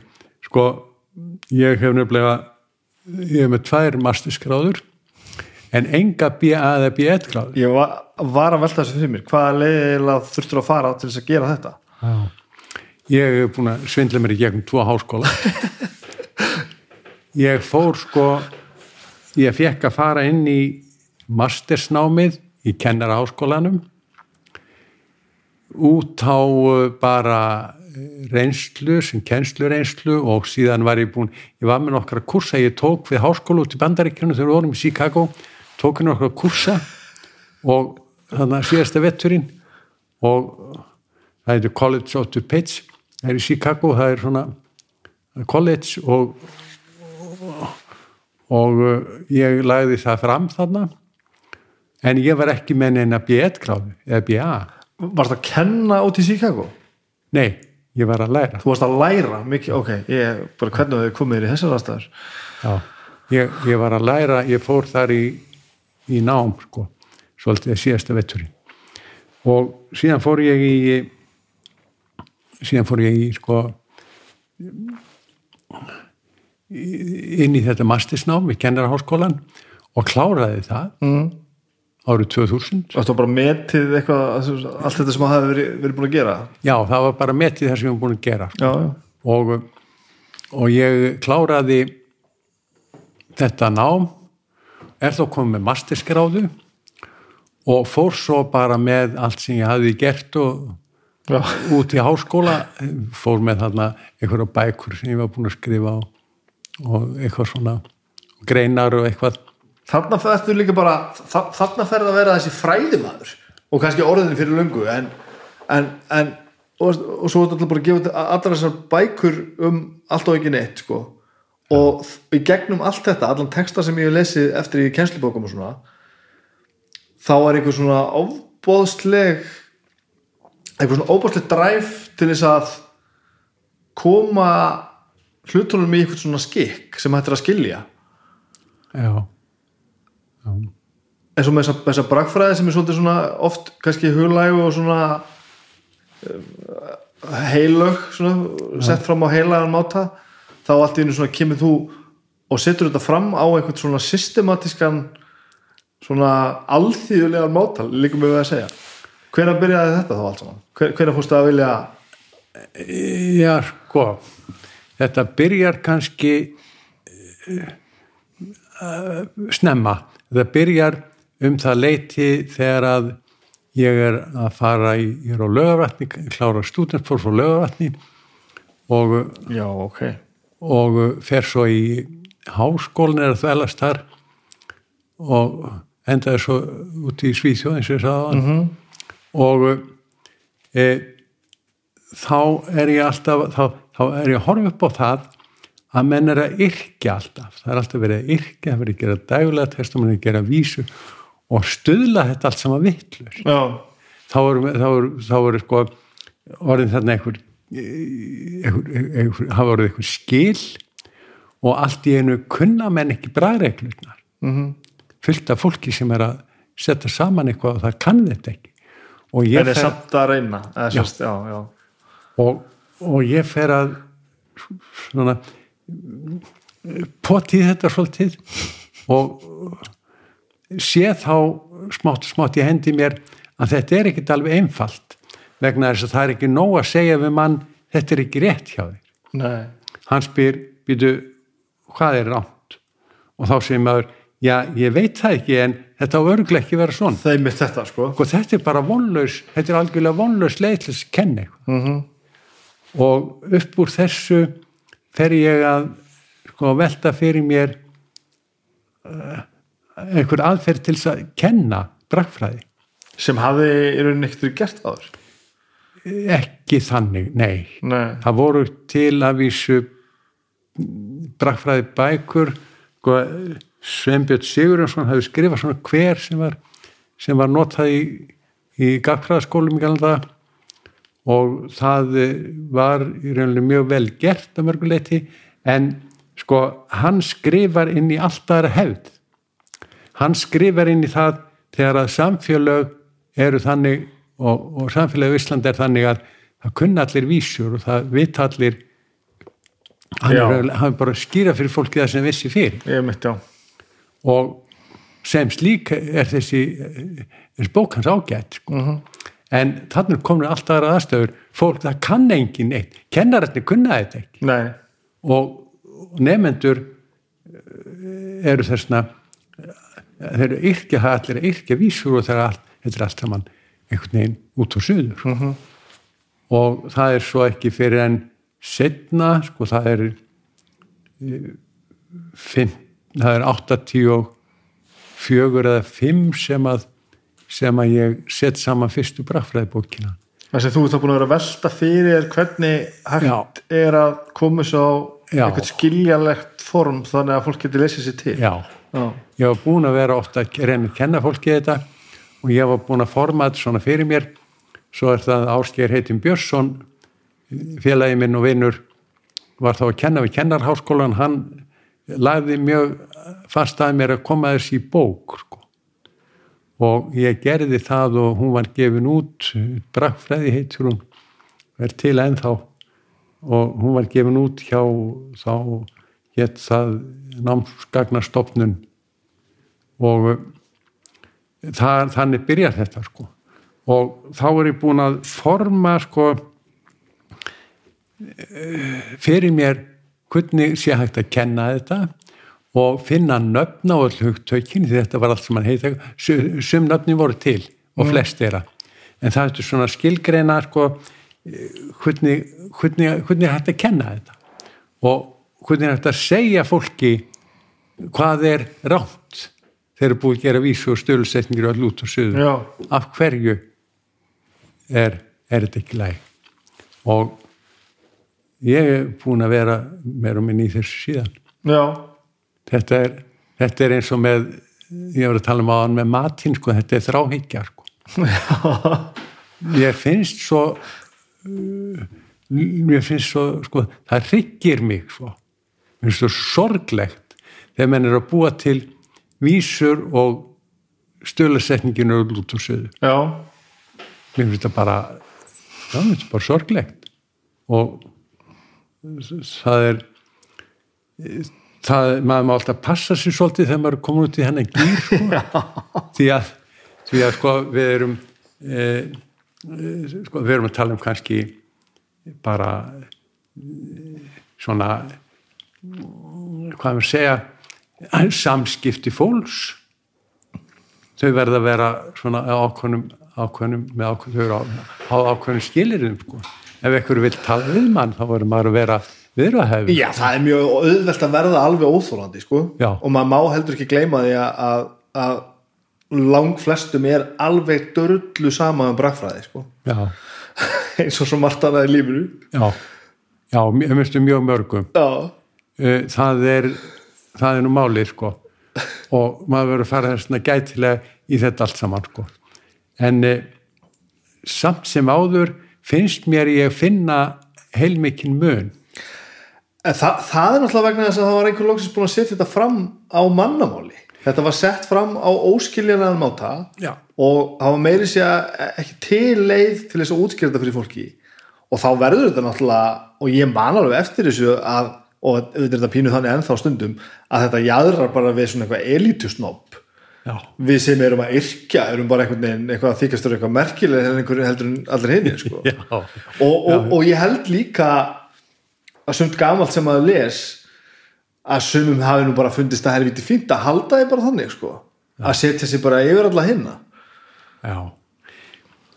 Sko á fyrir hluta 20. aldar svona já, fyrir, svona fyrir 1940 fyrir, fyrir setni heimstyrildina þá eru skáld á Íslandi eh, þá er umlega ekkert viðurkend annað en bara hefbundi ljóð nei, emitt sko Jón Tóruðsen seti þarna sama flugutnar á sín tíma þetta þóttu mjög merkilegt en, en það reyndi engin aftur í 40, nei ekki 40, nei svona 20 ár Já. held ég og, og þó, þetta er nú ekki alveg rétt hjá mér sko.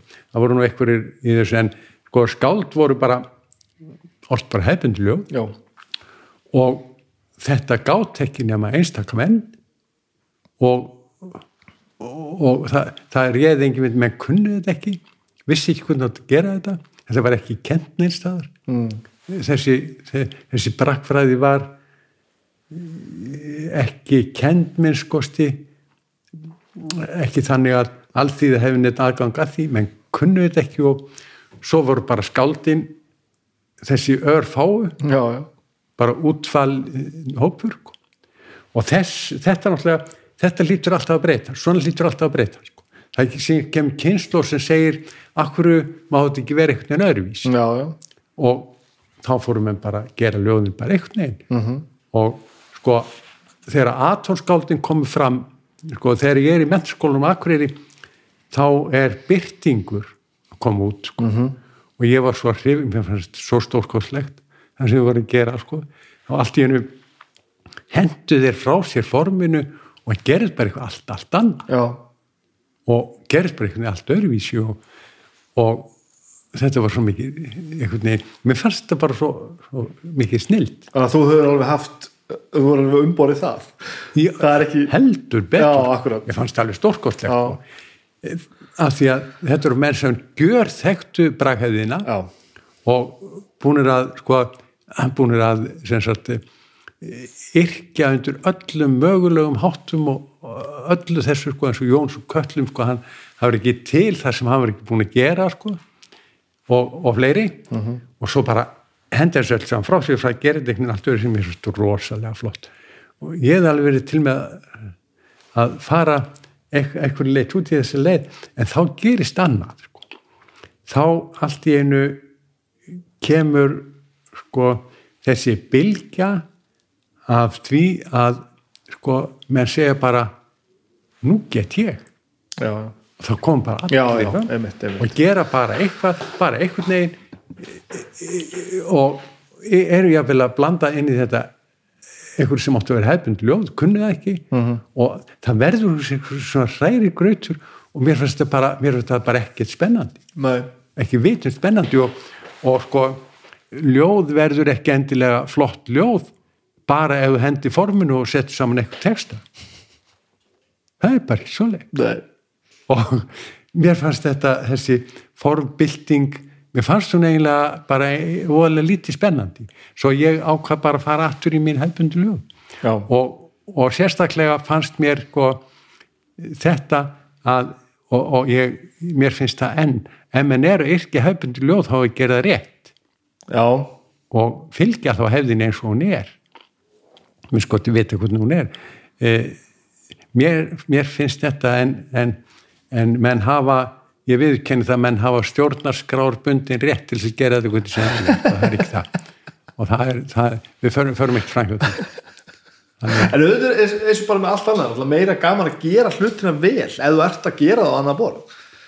Sko ég, ég hérna eh, ég öfunda að, að því nú er minn veruleiki svolítið bara að ég verið að syngja, syngja textana mínu svolítið mikið, ljóðum mín sko og ég er miklu sko, ég öfunda fólki sem getur sett saman dægulega texta, texta sem að vera að syngja sem að lúta eiginlegum reglum en eru frábærir.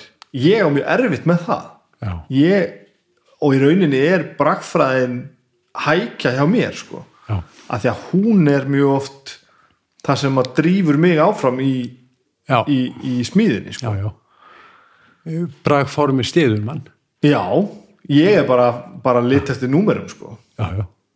Það, það, það stiður mann og það stiður við ljóði sko að öllu, öllu leiti það er alveg gefið sko. Og einhvern tímann áttu við nú samræður um það sko ég hef oftar, oftar en ég hef tölu á sko breytt nöfnum og karakterum í heilu leikritunum bara þegar það rýmaði eitthvað annan nafn sko.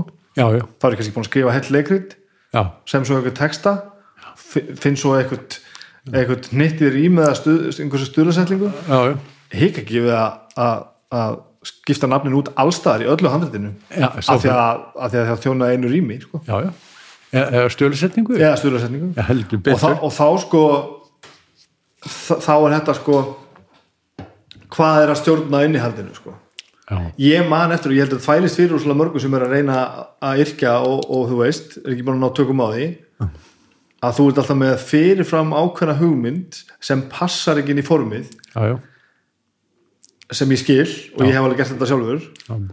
en ég er held ég mjög sekur um það oft að láta innihaldi bara ráðast að hvernig þetta passar sko. já eins og með sko, skálmatatekstana mína að ég grip, grip fram fyrir þið sko. veðrið í, í, í læginu sko, í tekstanum það stjórnast yfirlt að, að því hvernig stöðlarsendingin er sko. já, það er ástíðuna sko. það er, er vetur eða vor ef, að, ef að það var, voru fleiri orð sem byrjuði á vaff já, annars er bara sumar ef það passa einhverstað annar staðar já, sko. ég er ekki með það tilbúið áður en ég vil leggja stað nei eða það þá að það breytist sko. Já, já. Sko, þetta er eitt af því sem fylgir eh, hefn, hefn formi, sko, að þú verður náttúrulega að laga textan að því og hugmyndið annars er það ótrúlega uh, oft sem að maður getur fundið einhverja lausn til þess að leysa þetta sko. Þannig að maður fer aldrei sko, maður fer, fer aldrei þetta fer aldrei mjög langt frá því sem maður ætlaði upp að. Mér, mér finnst það ekki endilega sko. eitthvað, eitthvað smáis en þetta með nöfnin að sjálfsögðum að velu nöfnin.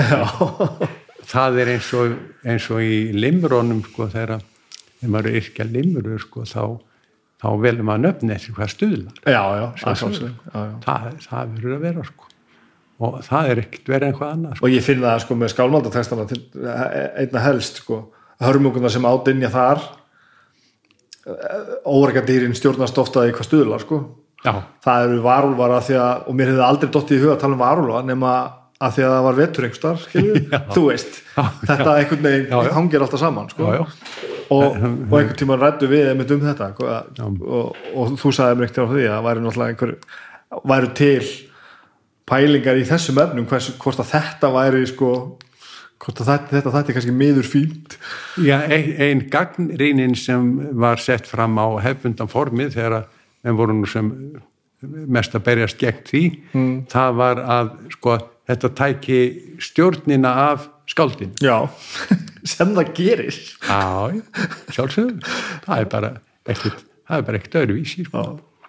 það er öðruvísi sko, þetta er bara eins og ef þú ert að jeppa þá ferðu kannski velur kannski aðra leið heldur, en- ef þú ert á einhverjum litlum Já, þetta er frábært sko. þetta er frábært skilgjarning og þetta er alveg satt. Og ég, og ég held að þetta þvælist fyrir mjög mörgum sem er að byrja. Já, já, að, að sko að því að ma maður er að sömu leiti sko að gefast upp fyrir forminu.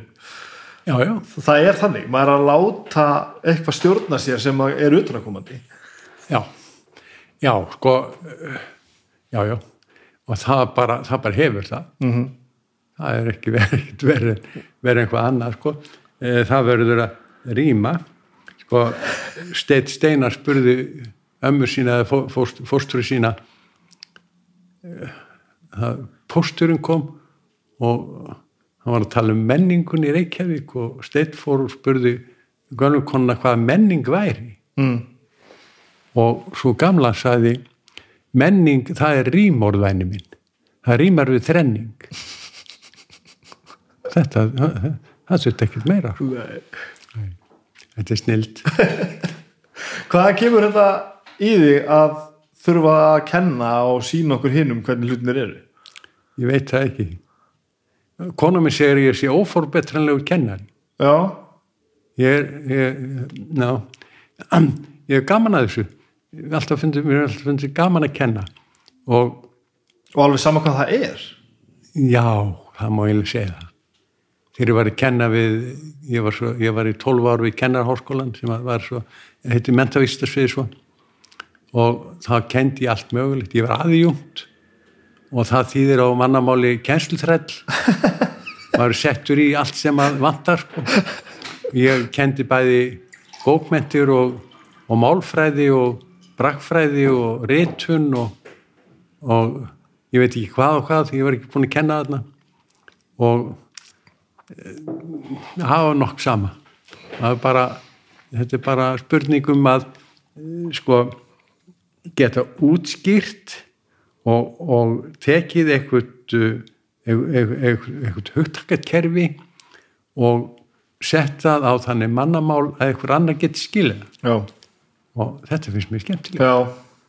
Já, maður skinnar það gegnum það sem að, að, að, bref, að því ég er nú lesið aðalega brefraðabækundagina sko. það er einmitt þetta að, að maður skinnjar áhugan á því að koma svo á forms þannig að flestir geti skilið. Já, sem að vanta, eða allavega ég mann og mínum uppvexti voru kennslubækunum ekki endilega alltaf fullar af þessu.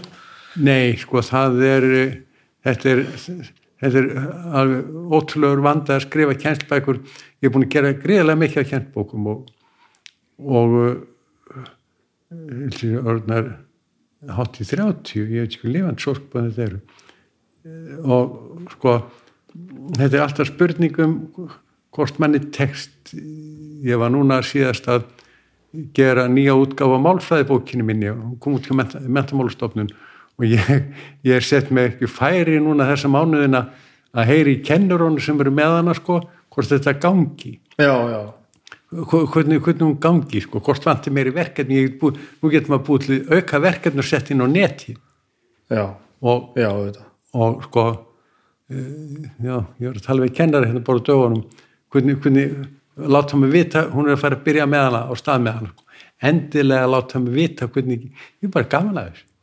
Þannig að þa þannig að það sem drífur því áfram í þessu er að þetta nýtist sem flestum að þú getur getur sínt sem flestum nýtsemin og, og, og gaman í því sem þú ert að sína já, já, það er svolítið að því að suma kennslubækur eru einmitt þannig að maður finnur það sko að það er bara að vera að predika sko. já, og ég held að ég, ég held að séu margar margar sko greinar í skóla sem voru skemmdar fyrir manni. Ég held að mér skall aldrei lært neitt í samvændi við sögu. Þetta var aldrei sett upp á skemmtina nátt það var alltaf bara að vera að anskota þínu hausinu á mann að maður þyrfti að kunna hitt og þetta, mér var alveg, það var enginn að kveikja áhuga nefnir Nei, það er náttúrulega að þú ferð út í það. Ég var nú að gera eitthvað lítið úr skólastarfinu áðan sko. E, e, það er hægt að leiða röka því það er, það er eða svo í orðin öðruvísi það er engin námsgrein til sem ekki er hægt að leiða röka að það mætti missa sig sko, ef út í það fer. Þetta er allt um að val. Já, það var alltaf að segja sem svo starffræði eh, grunnur í starffræði kemur sér vel fyrir alla sko. tungumál komur sér vel. Eh, það er ekki eins ljóst með, með okkar eigið tungumál en ég er fyrir mitt leiti algjörlega handvissum það að eh, sko, eh, gott málfarslegt uppbeldi það hefur áhrif á greind fólk. Bara greindina beinlínis. Já, ef þú elst upp við, við sko, gott málfar og, og lærir tungumálið vel sem bann þá, þá áttu betra með að hugsa já, þess vegna lagði ég alltaf mikla áherslu á það þegar ég verið að kenna í grunnskólan mér finnst það mikilvægt að kenna börnum málfræði. Að kenna þeim hugtakakerfið sem að þau eru að nota og útskeri fyrir þeim hvað þau eru að gera þegar þau eru að tala. Og krakkarnir höfðu gaman að þessu og þetta var bara eitthvað ánægilega sem ég hef gert. En það er þá vantalega því að þú ert sko, þau hafa gaman að þessu vegna þess að þú ert að benda þeim á hvers vegna þau er að læra þetta ég Já, já. eftir þessu sko va- vandamáli var þetta að, að maður var að læra eitthvað og sá aldrei neitt neina tengingu við raunveruleikan Nei, nei, það, það, er, það, er, svolítið, svolítið slæmt sko. maður, maður þarf að hafa gaman að maður þarf að hafa gaman að því sem maður er að læra sko. og það er líka e, í sambandi við áhuga hvötinar sem mikið hefur verið spöglir í sko. ég hef alveg ákvæmlega kenningar í sambandi við það en það var ég í 25 ári í unlingadeildónum sko. sko ef þú vilt að börnin hafi gaman að þessu unlingadeildin hafi gaman að þessu nátt að læra þá þá ég fór þannig að því með málfræðina ég tek eitt atrið í einu og kenni þeim og hætti ekki fyrir en allur bekkurinn búin að skilja svo tökum við æfingar einföld dæmi og allir eru búin að skilja svo, svo letur við taka próf -hmm. allir fá 8, 5, 9, 9, 5 eða eitthvað -hmm. ánæðir þá er gaman já, þá er gaman sko. þetta er alveg satt það, það, þetta er ekkit flóknara sko. það er Nei, bara kannski er það við bóli, kannski bara að vera flækja þetta mikið sko. já, það, það held ég ég teki dæmi um tungumáli sem eru kendi í grunnskólum það er enska og danska og yfirleitt er allstæðar það sem kemur og spyrð það finnst börnunum enskan skemmtileg og danskan leiðileg og hvernig stendur nú á því? Það er mjög einfalt. Þegar við komum í skólan þá kunnaði enskuna. Já, það er auðvelt að leysa verkefnin. Þau já skilja. einmitt, einmitt. og, og þetta, þetta rennur allt saman inn af því að þetta er tungumál sem þau eru með í, þau alltaf að- þau, þau þekkja tungumál alltaf frá danskan er allt öðruvísu á ekkert skilt við þetta. Af því þar þurfa að læra nýtt tungumál. Já, já, og það er allt, allt öðruvísi. En þetta er, er alltaf slegið saman eins og þetta sé samskonar hlutur sem er mikill miskilingur og danskan er svona leiðinleg af því það, hún er erfið og það er ekki tækt að læra henni svensku. Nei, en svo nú til viðbóta við það náttúrulega sem að kannski þú ert að segja, varst að segja líka á það að við sjáum strax notin fyrir enskuna, hún er allstaðar allt í hennu getum við Já, fara að skilja fullt sjónvarsefni og bækur og blöð og eitthvað hvað hvað, tölvuleiki og eitthvað hvað og hvað. En, en þegar það er engin bein ástæða fyrir því að þetta að læra dönsku þá er það ekkert jafn gaman. Nei, það er nú líka það, það lagar þetta ekki það lagar þetta ekki sko. Nei, að, sko, það, er, það er svo vel hægt ef við fyrir til Danmerkur þá er langsniðast að tala bara ensku Já, ég bjóði í Danmörku í ár og ég talaði bara einsku Já, já, já, já. það er ekkert mál sko. en hérna svo hættir þú aldrei. Hmm. svo hættir þú aldrei þú veist, þú, þú ert alltaf að gera eitthvað nýtt. Þú ert alltaf uh, ég svo sem veit ekki hvort að þetta er gegnum gangandi en, en sko frá því að ég fó- fór að vita að þér þá varstu sko, þú ert alltaf að finna þér eitthvað, eitthvað nýtt að gera. Þú hættir aldrei, þú ert þú veist hvað er langt sem þú byrjar að lára gítar til dæmis.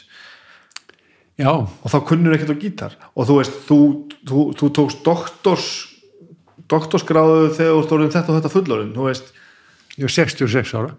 Til dæmis. Er ekkert í þér aldrei eitthvað bara svona að fara að slaka á og bara stoppa eða svona Nei, nei, sko þetta liggur kannski í þessu sem ég nefndi aðeins við þig áðan að ég hef aldrei alveg fengið neina fullmótaði hugmynd um hvað ég ætlaði að verða. Það er ekkit, það er, það er ekkit útsjöðum það en þá. Er gaman að þessu. Ógulega gaman að, að vera ekki á þránu átnálagur gítar já, og ég kendi honum yrkja í staðin já, já, og svo, svo saði nú neðurstaðan var nú einlega svo að hann var hann betri að yrkja heldur en ég að spila á gítar. Hann kunni alveg að yrkja maður. Þetta var nú spurningum bara að Já.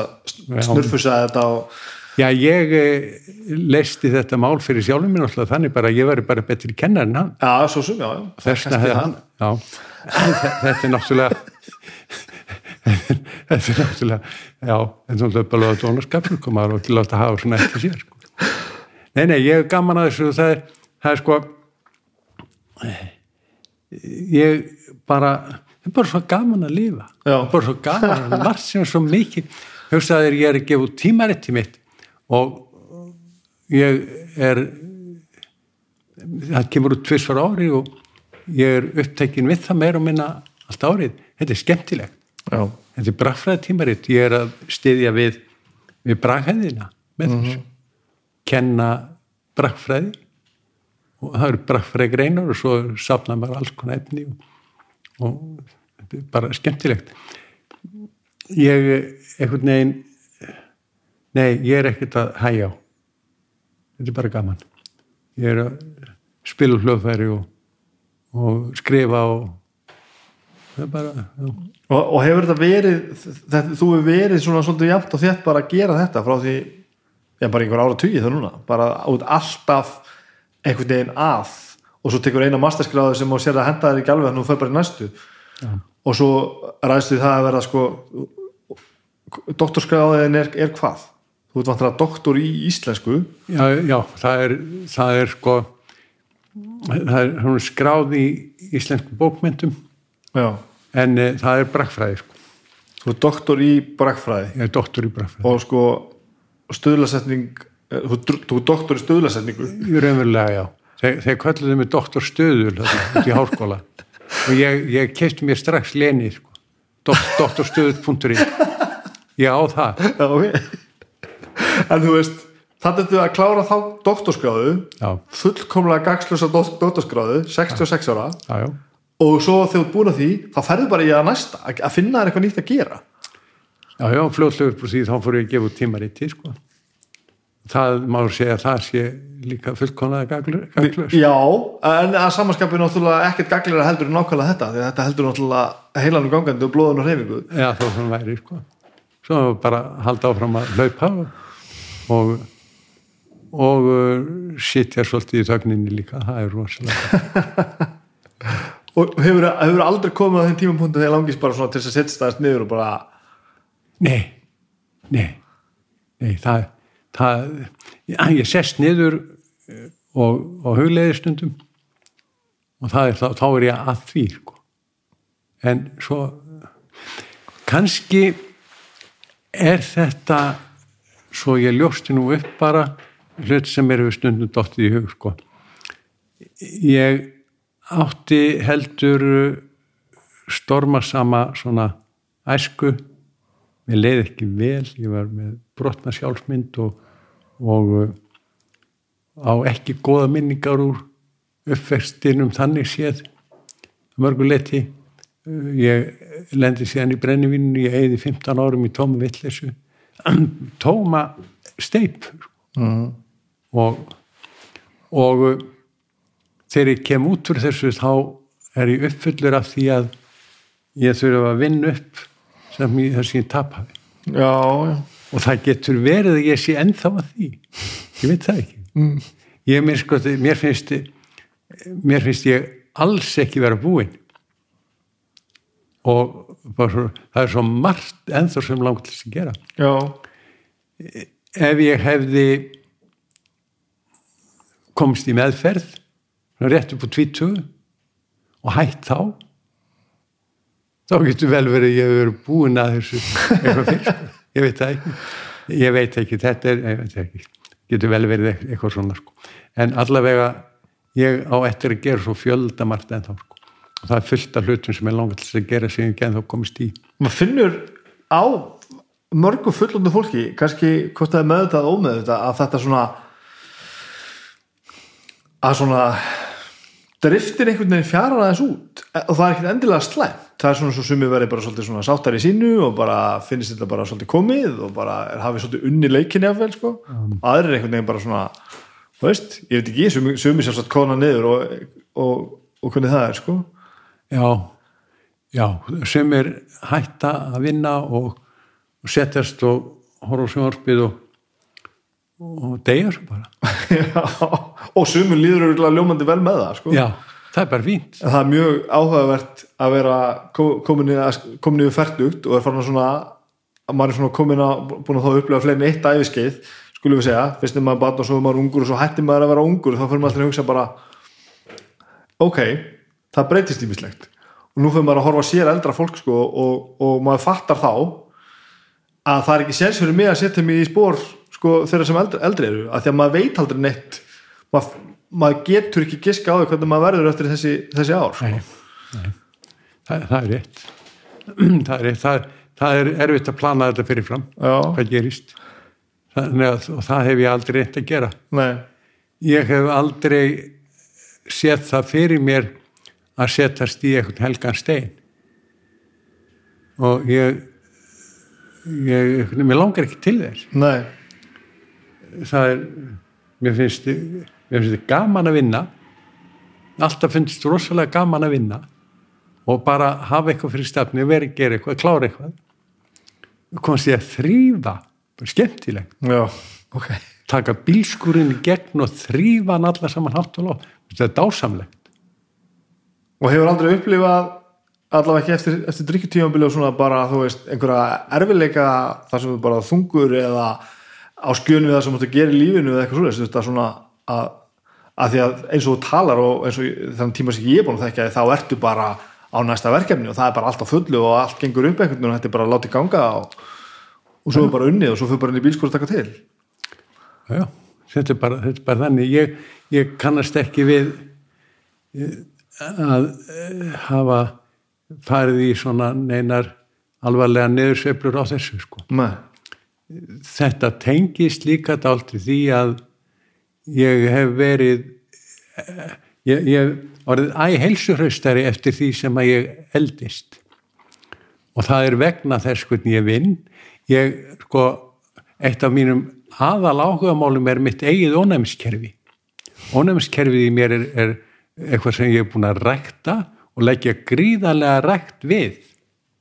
Það er ónæmiskerfi. Ónæmiskerfið er það sem skiptur höfumáli já, og það rækta maður upp með þessu þrennur sem ég var að tala um á það er, það er reyfing og það er rétt mataræði og svo jóka sko. mm, segja þér sjálfur stjórna því hvernig undirvitundin virkar.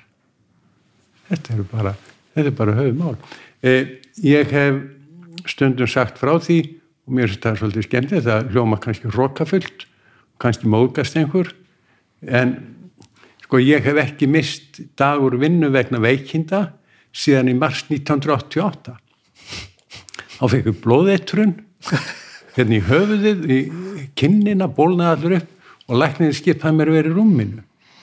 Og ég sé nú eiginlega ennþá eftir því vegna þess að ég, ég, ég hefði vel gett að verða á fótum þetta er bara vitleisa en, en síðan hef ég ekki mistu dag, dagur vinnu vegna veikinda. Ég er bara, ég er bara í svona góðu form og það er ekki það að setja svona eitthvað eh, íslenskt hörkutól sem að gengur á, á sjálfæði og, og mætri vinnuna þegar það ættir að vera heima? Nei, það ger ég ekki. Nei. ég fæ flensur sko. Og þá ef þeir eru vondar þá, þá fasta ég. Fyrir vatn. Já, ég gerði það fyrir tveimur eða þreimur árum þá, þá var ég á leiðin östur á land með útgáfpartí á vinni mínum og ég var að aðstofa við það og fekk eitthvað bölvaða flens hún var vond. Og ég fastaði frá mándegi mándags morgun vakna ég sko er slæmur ég fer á vatn og og borðaði ekki fyrir en ég kerði svo austur og ég var í fínu formi sko.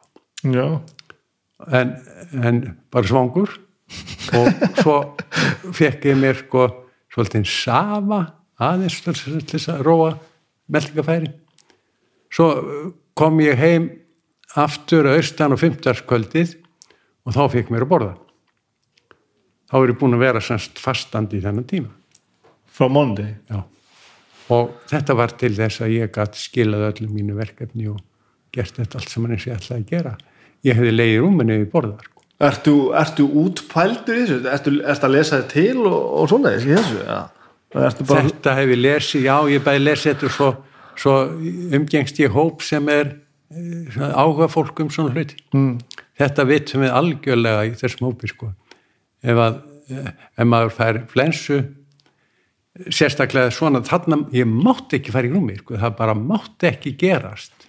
Útgáðpartíð, ég var með bókina sem ég ætlaði að fara með austur kassana og, og þetta var ákveðin dagur sem búið að setja og það bara, það bara, ég mátti bara ekki leggist í rúmið. Og þá bara fer maður svona Já. bara vatn.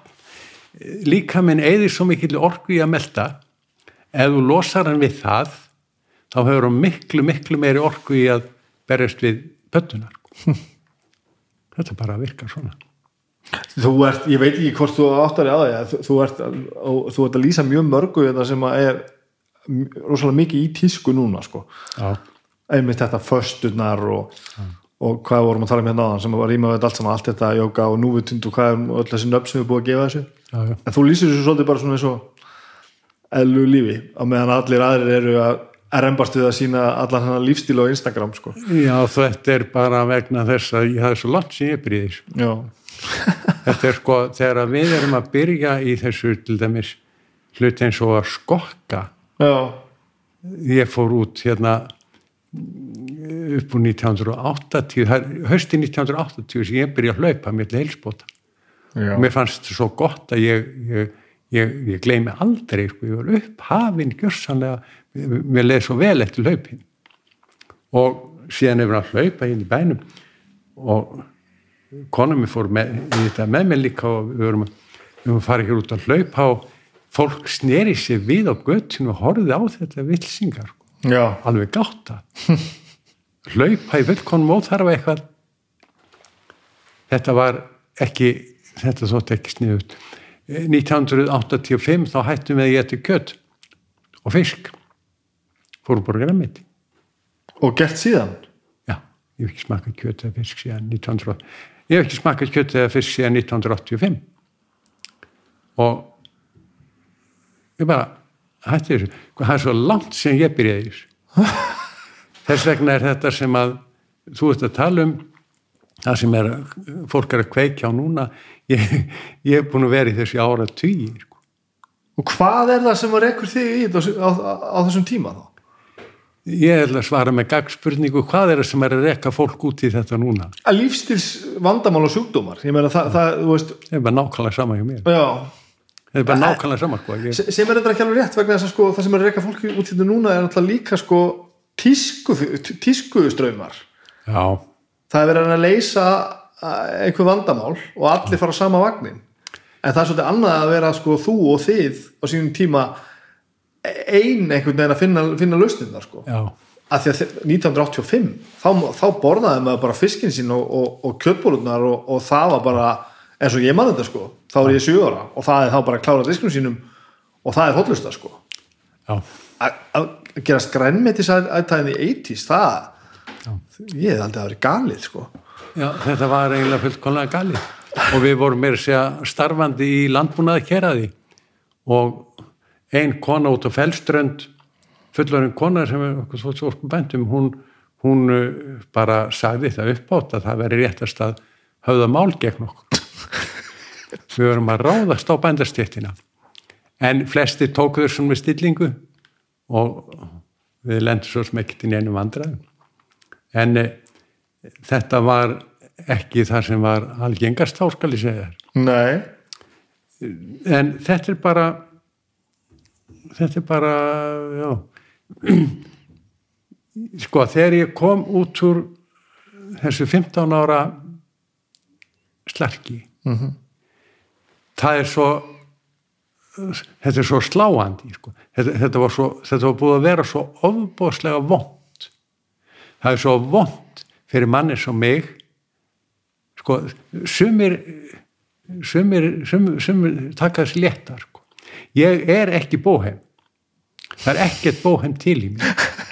Og að lifa eins og bóheim að því ég gæti ekki annað það, það var var, var skelvileg ég var neittur til þess að vera ekki bóheim bara einhvern veginn bara rugklaus að þú varst ekki orðin róni þú, Nei, nei, nei, nei ég, ekki, ekki þannig sér sko, ég, ég vann fyrir mér og, og en, en sko, ég hafði ekki stjórn á lífinu. Nei, og það var svo vond og þegar ég fer síðan í þessa þannig inn í tólsporkerfið og fer í þessar taka á þessu öll saman þá verður þetta einhvern veginn svo afgerandi sko.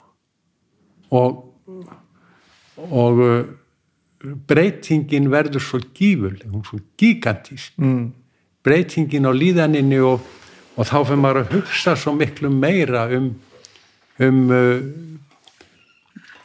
lífið og tilveruna og, og tilhugis maður sé að þessu öll saman og, og þetta bara verður þannig að, að uh, í framhaldi sko ég hætti 1979 að drekka. 1984 hleypi fyrsta marathonleipi 1985 þá hætti ég að geta kjött og fisk. Síðan kemur leiðir eitt af öðru og, og eh, ég bara ég bara, mér er ekki vænt um ónæmiskerfið mitt. Ég stútir ónæmiskerfið í mér og þú, byggir þetta á því að hlusta á sjálfa þig og líkamann og sál Já. og gera það sem er best fyrir þig Já. af því að eins og þetta lýsa þetta með, með sko hætt að bora kjöt og fisk það ljóta að hafa verið helviti margir sem segður að þetta var rugl Já, það var mjög, mjög margir það var mjög margir og, og e, sko ég hef alltaf átt tiltölulega gott með að taka sjálfstæðar ákvarðanir svo leið sko. Ég tíska er fyrir mér eitthvað sem mér finnst alltaf svolítið broslegt. Sko að, að þegar að og þetta, ég segir það tröfla mér svolítið sko sögfjörrektin í þessu sko. Ég, ég ólst upp við sögfjörrektina og kindurnar eru þannig sko að ef ein jarmar þá jarma allar hinna Já, ef ein þeirra fer eitthvað á stað þá fara hinn og eftir henni og ef maður þetta komaði mig yfir ána bergvarsámi þarna fyrir neðan bæinn sko þá tók maður bara í hotnaveitin kindin og dró hana yfir. Og þá kom eftir. Já, já, þegar að tískan er í umræðu þá dettur mér alltaf í hug blessa róllundarnas pappa mín sko. það fer einn á stað svo kom allir hinn og eftir. Já. nú verði drepinn hvað þetta svona má maður ekki segja Jú, auðvitað má maður segja þetta en sko þannig erum við, við erum svolítið að tala um sko tvær tegundur af tísku eða tvær tegundur af öllu af því að eitt er nú sko að hafa áhugamál og, og, og, og fylgja einhverjum einhverjum svona ströymum og sjá hvað er að koma nýtt og svoleiðis. En það er allir sem fylgja blind sem eru alltaf þetta sem er svo hræðilega hallarslegt sko. Mannst þetta Forrest Gump? Mjög vel. Þegar hann hljóp? Já, já, já, hljóp allir á eftir hún já. Og svo bara allt í hennu stoppaður og segi I'm pretty tired og fór heim og þá vissi þeir ekkert hvað þetta gera já. það er þessi tískar sem að ég ég engan áhuga á þessu og hefur aldrei haft, hefur aldrei sóast inn í það elta ykkur að ströma á. Nei, nei, nei, það held ég ekki. Ég hef alltaf verið einhvern veginn utanveltu og með mína eigin skoðanir já, og nei, ég hef ekki mikið. Sko þegar að ég var ungum maður þá, þá voru býtlarnir ólega vinsælir og, og þá var ég að spila harmoniku, gömlu dansan. Ungum maður, já. Alveg hreint á skjön við alla aðra. Sko. og ekki í einhverju uppreist það er ekki nei, það? Nei, bara mér finnst þetta miklu skemmtilega mér finnst bílaði ég, ég fari að kunna að meta bílana núna. Mjög stund ég er hlustuð á YouTube stundum. Þeir eru dásamlegir. Já, ótrúlega náttúrulega en ég hef engan áhugaði þá ég, ég er bara já, en hvernig geng, gengur þú þá að tilheyra svona hópum og svo leis þú, þú veist eins og þetta, þegar allir voru að hlusta á bílana ná, náður þú bara að halda þið fyrir utan það? Eða var Já. sem þetta ná að? Bara, ég, ég, var, ég var einhvern veginn allt annar staðar sko. ég, merkilegt. Já, ég ég var í ég var náttúrulega í mjög slæm ástand sko, mér leið illa yfirleitt já, og ég var einhvern veginn upp á kant og, og vissi aldrei hvað ég átti að vera. Var, en setjum tíð sko þá ég, ég á, ég, ég á til til gott með þetta sko. Vera bara ég sjálfur. Ég tilheyri eh, engum eh, sérstökum hópi. Ég hef sko mér er bóðistundum að fara í Lion eða Rotary og svona. Já. Og ég aftakkaði bara kvöldslega sko. ég, ég er ekki ég er ekki í því ég, er bara heima hjá mér heim í grafavóinum og Áttu þá einhver svona kæruleysislega áhugamál? Að því mér finnst sko, ef þú hefur áhuga á einhverju þá ertu bara að byrja að spila hljóðfæri og þú byrjar að spila nýtt hljóðfæri og þú ert farin að gefa bækur og þú ert farin að gefa út dímaritt og þú ert orðin doktor er þá eitthvað svona sem þú bara dýfir nefn í og bara svona finnst það bara fínt? Já, ég veit ekki alveg hvernig ég á að svara þessu. Eh, Sko, ég er með svona eh, svolítið dellu fyrir músík og ég hef óskaplega gaman að spila hljóðfæri. Mm -hmm. Það fór eitthvað, fórst alltaf allt fyrir þegar ég var ungum maður, sko, ég lærði aldrei e, sómarsanlega á neitt og datt alveg út fyrir þessu. Svo á fullorðisárun þá, þá eh, fór ég að byrjaði á þessu aftur fór að kefti með básunu og fór að læra hana og fór að spila í, spilaði með, með lúrasveitum og svona. Ég er töltulega fljóttur að komast inn í nóg, nóg til þess. Spilaði með lúrasveit verkalýsins í nokkur ár og, og e, náði mér í harmoniku og fór að spila þetta og fór að spila spilaði með spila á böllum ekki þegar ég var í dölunum. Var að spila með vinnum mínum þarna sem að er svolítið einum með, góður harmurleikari spilum ekki saman. Og og uh, organista starfið fekk ég þarna fyrir vestan. Þetta er einmitt máli, ég- þessi ég er að meina sko. þetta er engin kæruleysislega áhugamál. Þú ert alltaf búin að kaupa þig básunu og farin að vinna fyrir þessum organisti og farin að hlaupa marathón sko. þú veit ekki svona, það er ekkert mjög margt sem þú hefur gert sem að er svona bara sem er bara svona þið finnst bara ágætt að hafa svona til hliðar með nei. Nei, ég kann það ekki nei. nei, sko áhugamál mín núna eru það eru sko tímaritt mitt. Já, það er það sem ég á áhuga á. Og og svo er ég að rítstýra núna ljóðasöfnum tveimur sem að ég kom til árunni og, og það er svona ýmsett sem er snúist kringum bó- bókútgáfu og ég hef gaman að því. Já, en áhugamál eh, sko ég veit ekki alveg hvernig ég útskýra þetta en, en áhugamál mín eru þar sem ég er að vinna við. Mhm. Ég hef ekkert annað sko. Það er ekkert ég hef ekkert sem ég hef sem ég dutla, dutla við í frístundum annað en þar sem að ég er að vinni eins og, eins og, eins og tímarittið eða eitthvað. Aðeins með hljóðferju já, það veist ég, ég núna, var núna að spila með brassbandinu og svo fór það náttúrulega allt saman í COVID og veit mm -hmm. það er eins og það er. Já já það er en eh, ég er ekki mikill hljóðfærileikari sko, ekki miskilum sko. En ég, ég, ég get fyllt með sko og lesi nótur og, passa mig og spila ekki í þögnunum það er aðal máli mér langar að stinga einu áður hérna, við hættum þessu. Að þú tala svo mikið um þetta tímabil þetta æskuna og, og, og, og hérna drikkjuárin og þetta er greinilega svona þú veist þessi ár glæðjaði ekki og horfur ekki tilbaka og, sér mikið jákvæmt úr þessu. Nærmanni að fara að þykja væntum þessi ár þú veit, þú veist tala um að ef þú hefur hægt fyrir að drekka þá eru kannski geta að byrja fyrir á einhverju prótóstíðu en ég meina þá hefur náttúrulega komið út annar maður sko.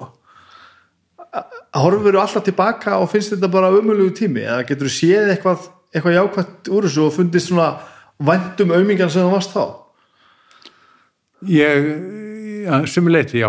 Sumuleiti er þetta sárt. Mm -hmm. það er sárt að hafa eitt löngum tíma, mörgum árum í, í tómi veistlísu og en svo hef ég stundum hugsað um það ég til dæmis átti mjög góðan, skemmtilegan tíma sem sjómaður. Já, á bátum með, með sjómanastjettin í histu og heirum landi og tógarum, byrjaði á síðu tógara norður og hala og var á síðu tógurum svolítið sem ungu maður. Og ég var á netabátum og ég var á síld og ég var á trolli og ég var öllum mögulegu sko og og beitu skurðamaður og línu einu sinni. Og kokkur mikið. Og þetta var, þetta var skemmtilegt ég hefði, ég hefði ekki viljað missa þess Nei, ef ég hefði verið eh, svona allt hefur verið eðlegt hjá mér þá hefði ég aldrei farið út á sjó. Nei, ok. Þetta gerist bara, þetta var svo fjarlægt því sem ég ætlaði að gera sko. þetta gerist bara vegna þess að það var ekkert annað að gera menn eins og ég, þeir voru mest á sjónum. Því þá gætt maður olti bara um borð og svo rann að manni þegar útstíminu sko, svo var maður bara góður og vann, að koma í land aftur sko. þetta var þetta var sko síðutóðararnir voru svona tegund af meðferðarstofnunum sem þar voru, þar voru allir aðal alkoholistur í samankonni sko. Já, þetta var þannig að þú ser þetta ekki sem bara svona sem ónýtan hlut af lífið eða þannig? Nei, nei, þetta var, þetta var mjög gaman og góð reynsla og mér er ekki vænt um þennan tíma til dæmis. Mm. og þannig að e, það er náttúrulega e, engin skynsem í því að horfa tilbaka og, og sjá eftir einhverju. Það er bara vittleisa vegna, þess að- það er búið. Já, og svo er annað sem ég er fann að læra eftir sem að árin og tímabölin bætast við hjá mér sko. Og eins með áföll að ef þú tekur ekki í fjandinn hafið að sko reynsluna úr því sem að þú ert búin að gera og það sem fyrir þið hefur komið sem að maður ætti eiginlega svolítið að hampa að hafi komið fyrir mann sko. Mm. veist, þá, er ég alltaf komið með einhverja reynslu sem að, sem að ég hafði ekki áður og kannski aðrir hafi ekki fengið að, að upplega alveg eins. Að mér finnst ég einhvern veginn svona bæði skulda sjálfum mér það og geta bara svolítið, jafnvel svolítið bara reykt mér að því herðu, ég er þetta búin að prófa þetta hér sko Já. og ég kom út úr því á réttum enda en ég er líka með reynslu sem að kannski aðrir hafa ekkert sko já, já. að því þú ert að lýsa sko árum sem að hafa gerðanlega mótaði mjög mjög mikið sko Já. Og reynslan náttúrulega sem að maður hefur út úr þessu, öll reynsla er ómetanleg og ég held að sko, ég trú ekki á neina tilviljanir sko. þetta er einhvern veginn, það er einhvern kerfi þessu, það er einhvern ástæða fyrir því að ég, ég þvælist þarna en ekki annar stað sko. það er eitthvað, eitthvað á bakvið þetta ég, ég veit ekkert hvað það er en, en eh, niðurstaðan er svo að að sko það sem hefur gerst það hefur bara gerst og það er reynsla og það troskar mann og ein ástæðan fyrir því að ég er eins og ég er í dag -hmm. það er það að ég gekk í gegnum þetta allt saman. Það er alveg ljóst. Og hún er að sjá þetta þannig semst? Já, já, já, og hefur kannski alltaf gerst já, já. Það, það, maður dettur stundum niður í sko, ég dett niður í svona sársöka stundum yfir því sko að hafa sóa tíma. Við séum sóa tíma og ég, ég til dæmis finn til þess að að mentaskólan á mitt fór eiginlega allt saman í vaskin ég klóraði mig gegnum stúdenspróf og kunni svo sem ekkert í þessu sem ég átt að læra. En ég er sjálfst ekki deitn um það. Ég reikna með með að það sé nú ekkert óalgengt. Uh, und fólk er ekki allt saman mjög ábyrgt sko. Þegar það er í, það skriði ég um skólan en ég, ég sé eftir því sko að hafa ekki nýtt það fær svona, svona sársakar stingstundum en en uh, sko þegar ég hugsa málið þá er það alveg eh, morgun ljóst að allt svona sem að gengur í gegnum það reynsla sem að ef maður vinnur rétt úr þá verður það manni til góðs. Já, það er spurning hvernig maður, alltaf spurning hvernig maður snýr sér út, út úr því hvernig maður, hvað maður gerir lífið er í mínum huga þannig að það er ekki til sem heitir happið óhapp. Ef að sko við getum skoða tvo menn annar þeirra vinnur 10 miljónir í happtrættunni hinn fótbrotnar sko. og þú veist ekkert hvort þeirra kemur betur út. Nei, nei, einmitt. Það fer allt eftir í hvernig með vinn úr. Já, ég hef séð fólk vinna stóra vinningi hattrættinu og fara mjög bara illa út úr því. einmitt. Af því það, þau held að þau eru búin að, að handla haminguna já, sem var ekki. Nei og svo, bara og svo tala maður um einmitt við fólk sem á, á einhverja sára reynsla baki eins og við, við erum að tala saman núna sko. Og ég finn augljóslega þér að þú hefur óbærslega miklu að miðla vegna þess að þú þekkir munin á því að hafa verið á vondastæðnum og góðastæðnum já, já, það málið sko. Þannig að og ég hef getað miðla líka þessari reynslu minni og það hefur hjálpað fólki já, sem hefur verið í sömu vandræðan og það er ómettanlegt sko. það er eitthvað sem að, sem að er náttúrulega sem að gjöf sem að fær fyrir alla þessa, alla þessa hrakninga þá fær maður það, það tækifæri til þess að láta gott þessi leiða og það er fátt sem er, sem er betra fyrir mann sko. gefur manni meira já, nákvæmlega. Já, hérna. Heyrðu, já, byttu nú við. Erum við búin að setja hér í þrjá klukkt þrý tímar. Það er ekki bara passlegt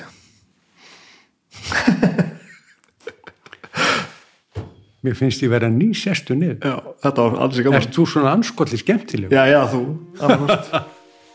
þetta er gott, takk fyrir að tala um mig. Vel.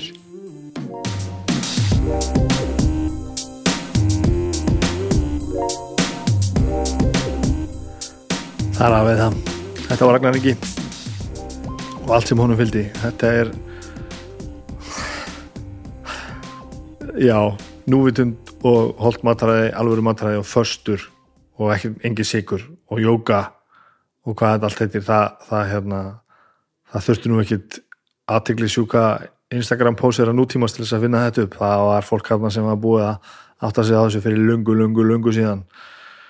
Og með ástandi og heilsuna á, á þessu manni með aldur þá held ég að við eigum að taka okkur þetta til fyrirmyndar sko. Þetta er allir ekki dælu maður, það er nú bara þannig. Ég, ég vil fá að minnast á Stuðlaberg sem er tímaritið hans um ljóð og brakfræði, kemur út hvað ætla að koma út oft? Hálsásfesti ég er allavega áskæðandi og fæði þetta alltaf sjaldan ennum lúðuna. Alltaf sé, ég held þetta sé ekki að þryggja mána nei, ég held þetta sé hálsást, hálsás allavega, Stuðlaberg heiti tímaritið og, og hérna það er hérna, ef þú viljið kynast eh, finna meira um manni, þá er uppi gömlu vefsíða sem hann á sem er ragnaringi.is og ef þið hafið gamla kveðskap þá er Facebook hópur sem að kalla sig bóðunarmjöð, bóðunarmjöður og þar er, þar er fólk að yrkjast á og gera ímislega skemmtilegt og þar er hann og hann er virkur á, á, á, Facebook og þið getur sendt honum post ef þið hafið einhverja spurningur um hitt og þetta og það er bara skemmtilegt að eiga samskipti, samskipti við þennan mann Þannig að þetta var mikilvægt boks að tikka í og við komum öll aðeins betri út af þessu. Þá er þetta nú bara búið. Hérna, eh, hljókirkina vikunni, það er domstagurinn náttúrulega. Þeir voru þarna þrýr, haukur, eddi og baldur. Það er alltaf eitthvað svona pínu kósi að fá gamla domstaga aftur. En það, eh, því maður sakna nú byrnu samt, þegar hún er ekki með. Það er, það er betra þegar byrnaði með. Hann er svo dákvæmdi státur sko, ég er ekki að segja hvað hlust ekki, hann var mjög skemmtilegur. Kokkaflækið þáttur eh, á ennsku og Óli segir hérna viðmældi minna þessu sinni er hlaljara frá Sílandi það er sá hlal sem við þekkjum sem hlal á mandi. Þessi maður einhver okkur að veitinga á höfbrukarsvæðinu og er með fleira í, í, á tekniborinu og, og annar af þeim stöðum er fyrst í Vasspípustafinu í Reykjavík. Það er svolítið skemmtilegt. Um, og þannig talað um kebab og síleska mat og, og eitthvað aðeins um politík en svona mestu mat. Dröga fortjar, uh, miðgudags þátturinn. Og það, ég ætla að fá að lesa þessa, þessa, hérna, þessa lýsingu sem Flósin sendi mér orustan undarlega Mæmánuður mánuður 1945 Adolf Hitler hefur fram í sjálfsmór þó flesti þýskir hermenn gefist upp fyrir herjum bandamanna þó berjast uh, enn fanatískar sveitir SS-manna sem neita trúa því að nazismin sé úr sögunni. Þessum þætti tökum við fyrir einn af seinustu bardugum stríðsins sem átti sér staði í austurísku ölbónum, hann skipti ekki sköpum í mannkynnsugunni þó hafi verið skrifaður um hann bækur og tilstendur að gera kvikmyndum hann. Ástæðan er svo að þáttakendur og kringumstæður allar eru svo lígilegar, lígilegar, lígilegar að maður trúir því varlega að þetta hafi gest í raun. Já, já, já, já, já. Og förstu dagur á morgun, þar er... Um, eru villi annars svafa á viggi með nei hættu nú alveg og baldur eitthvað skipta sér af það er skemmtilegt átakalöst og ekki ekki of langt þetta er svolítið langt þetta. Um, það eru oftur en ekki tekið á vínstúkunni ég er nú vonað að þið fá bara eitthvað að borða þessu sem ég borðaði hérna um helgina. Ég, bara, ég hugsa bara um mat núna sko. ég, þetta er alltaf fokka mér upp hérna. Og svo er besta platan að sjálfsögðu líka á morgun og það er afar mikilvæg plata uh, með apparata organ kvartett það er setni platan önnur og tveimur og vonandi verðar fleiri, það er Polyphonia frá árinu 2010 og þetta er allt svo körrend að þegar ég tala þetta hér núna þá eru við ekki búin að taka upp þann þátt. Þannig ég veit ekki hvort hann er góður. Og svo vil ég bara þakka fyrir já, mér langar að minna samt á spjalli sem ég átti við Eithor Gunnars e, á Facebook síðu hljófarahúsins í síðustu viku. E, ég var ekki búin að taka það upp þegar ég talaði viku síðast. E, það var það var fáránlega gaman. Gaurin er ótrúlegur. Hann er ekki, hvernig á ég að koma frá þessari setningu, hann er ekki opnast í maður sem ég hef kynst en það er ekki rétt að segja, segja hans í feimin en hann er ekkert að, að, að berast mikið á og ég, við náðum ágætlega saman og spjalli var það var mikið innihald í því og hann hafði margt að segja og svo spilaði náttúrulega á eftir og allt í beinni og þið sjáðu vídeo og því og það svo spilamennska er náttúrulega ekki ég veit ekki hvaðan svona kemur sko. við hinn getum bara setið hjá og, og öfundað sko, eða reynd kannski að læra eitthvað frekar en öfundað Herri já, svo bara þakki til eh, samstagsæðilina, þeir eru þrýrónir sem er alveg meistarlegt takk kærlega Sómi fyrir að stökkvinn glænýtt glænýr eh, samstagsæðili auðvitað flæði á Ræsland eh, ég sé ykkur bara í vikunni með fjölskyldunni og svo að sjálfsögur Reykjavík Róster sem er búið að vera með mér mjög lengi og voru svolítið svona þau sem að stukka á, á þetta fyrst og allt mitt respekt á það en akkurat núna þá ætlum ég að setja gott mín býður hérna kona á síðusti þátturinn af Mr. Robot í fyrstu serju uh, þetta er allt gott. Þetta gengur allt vel, þetta er allt gott. Takk fyrir að hlusta og takk fyrir að hlusta svona mikið. Við heyrjumst næst, bye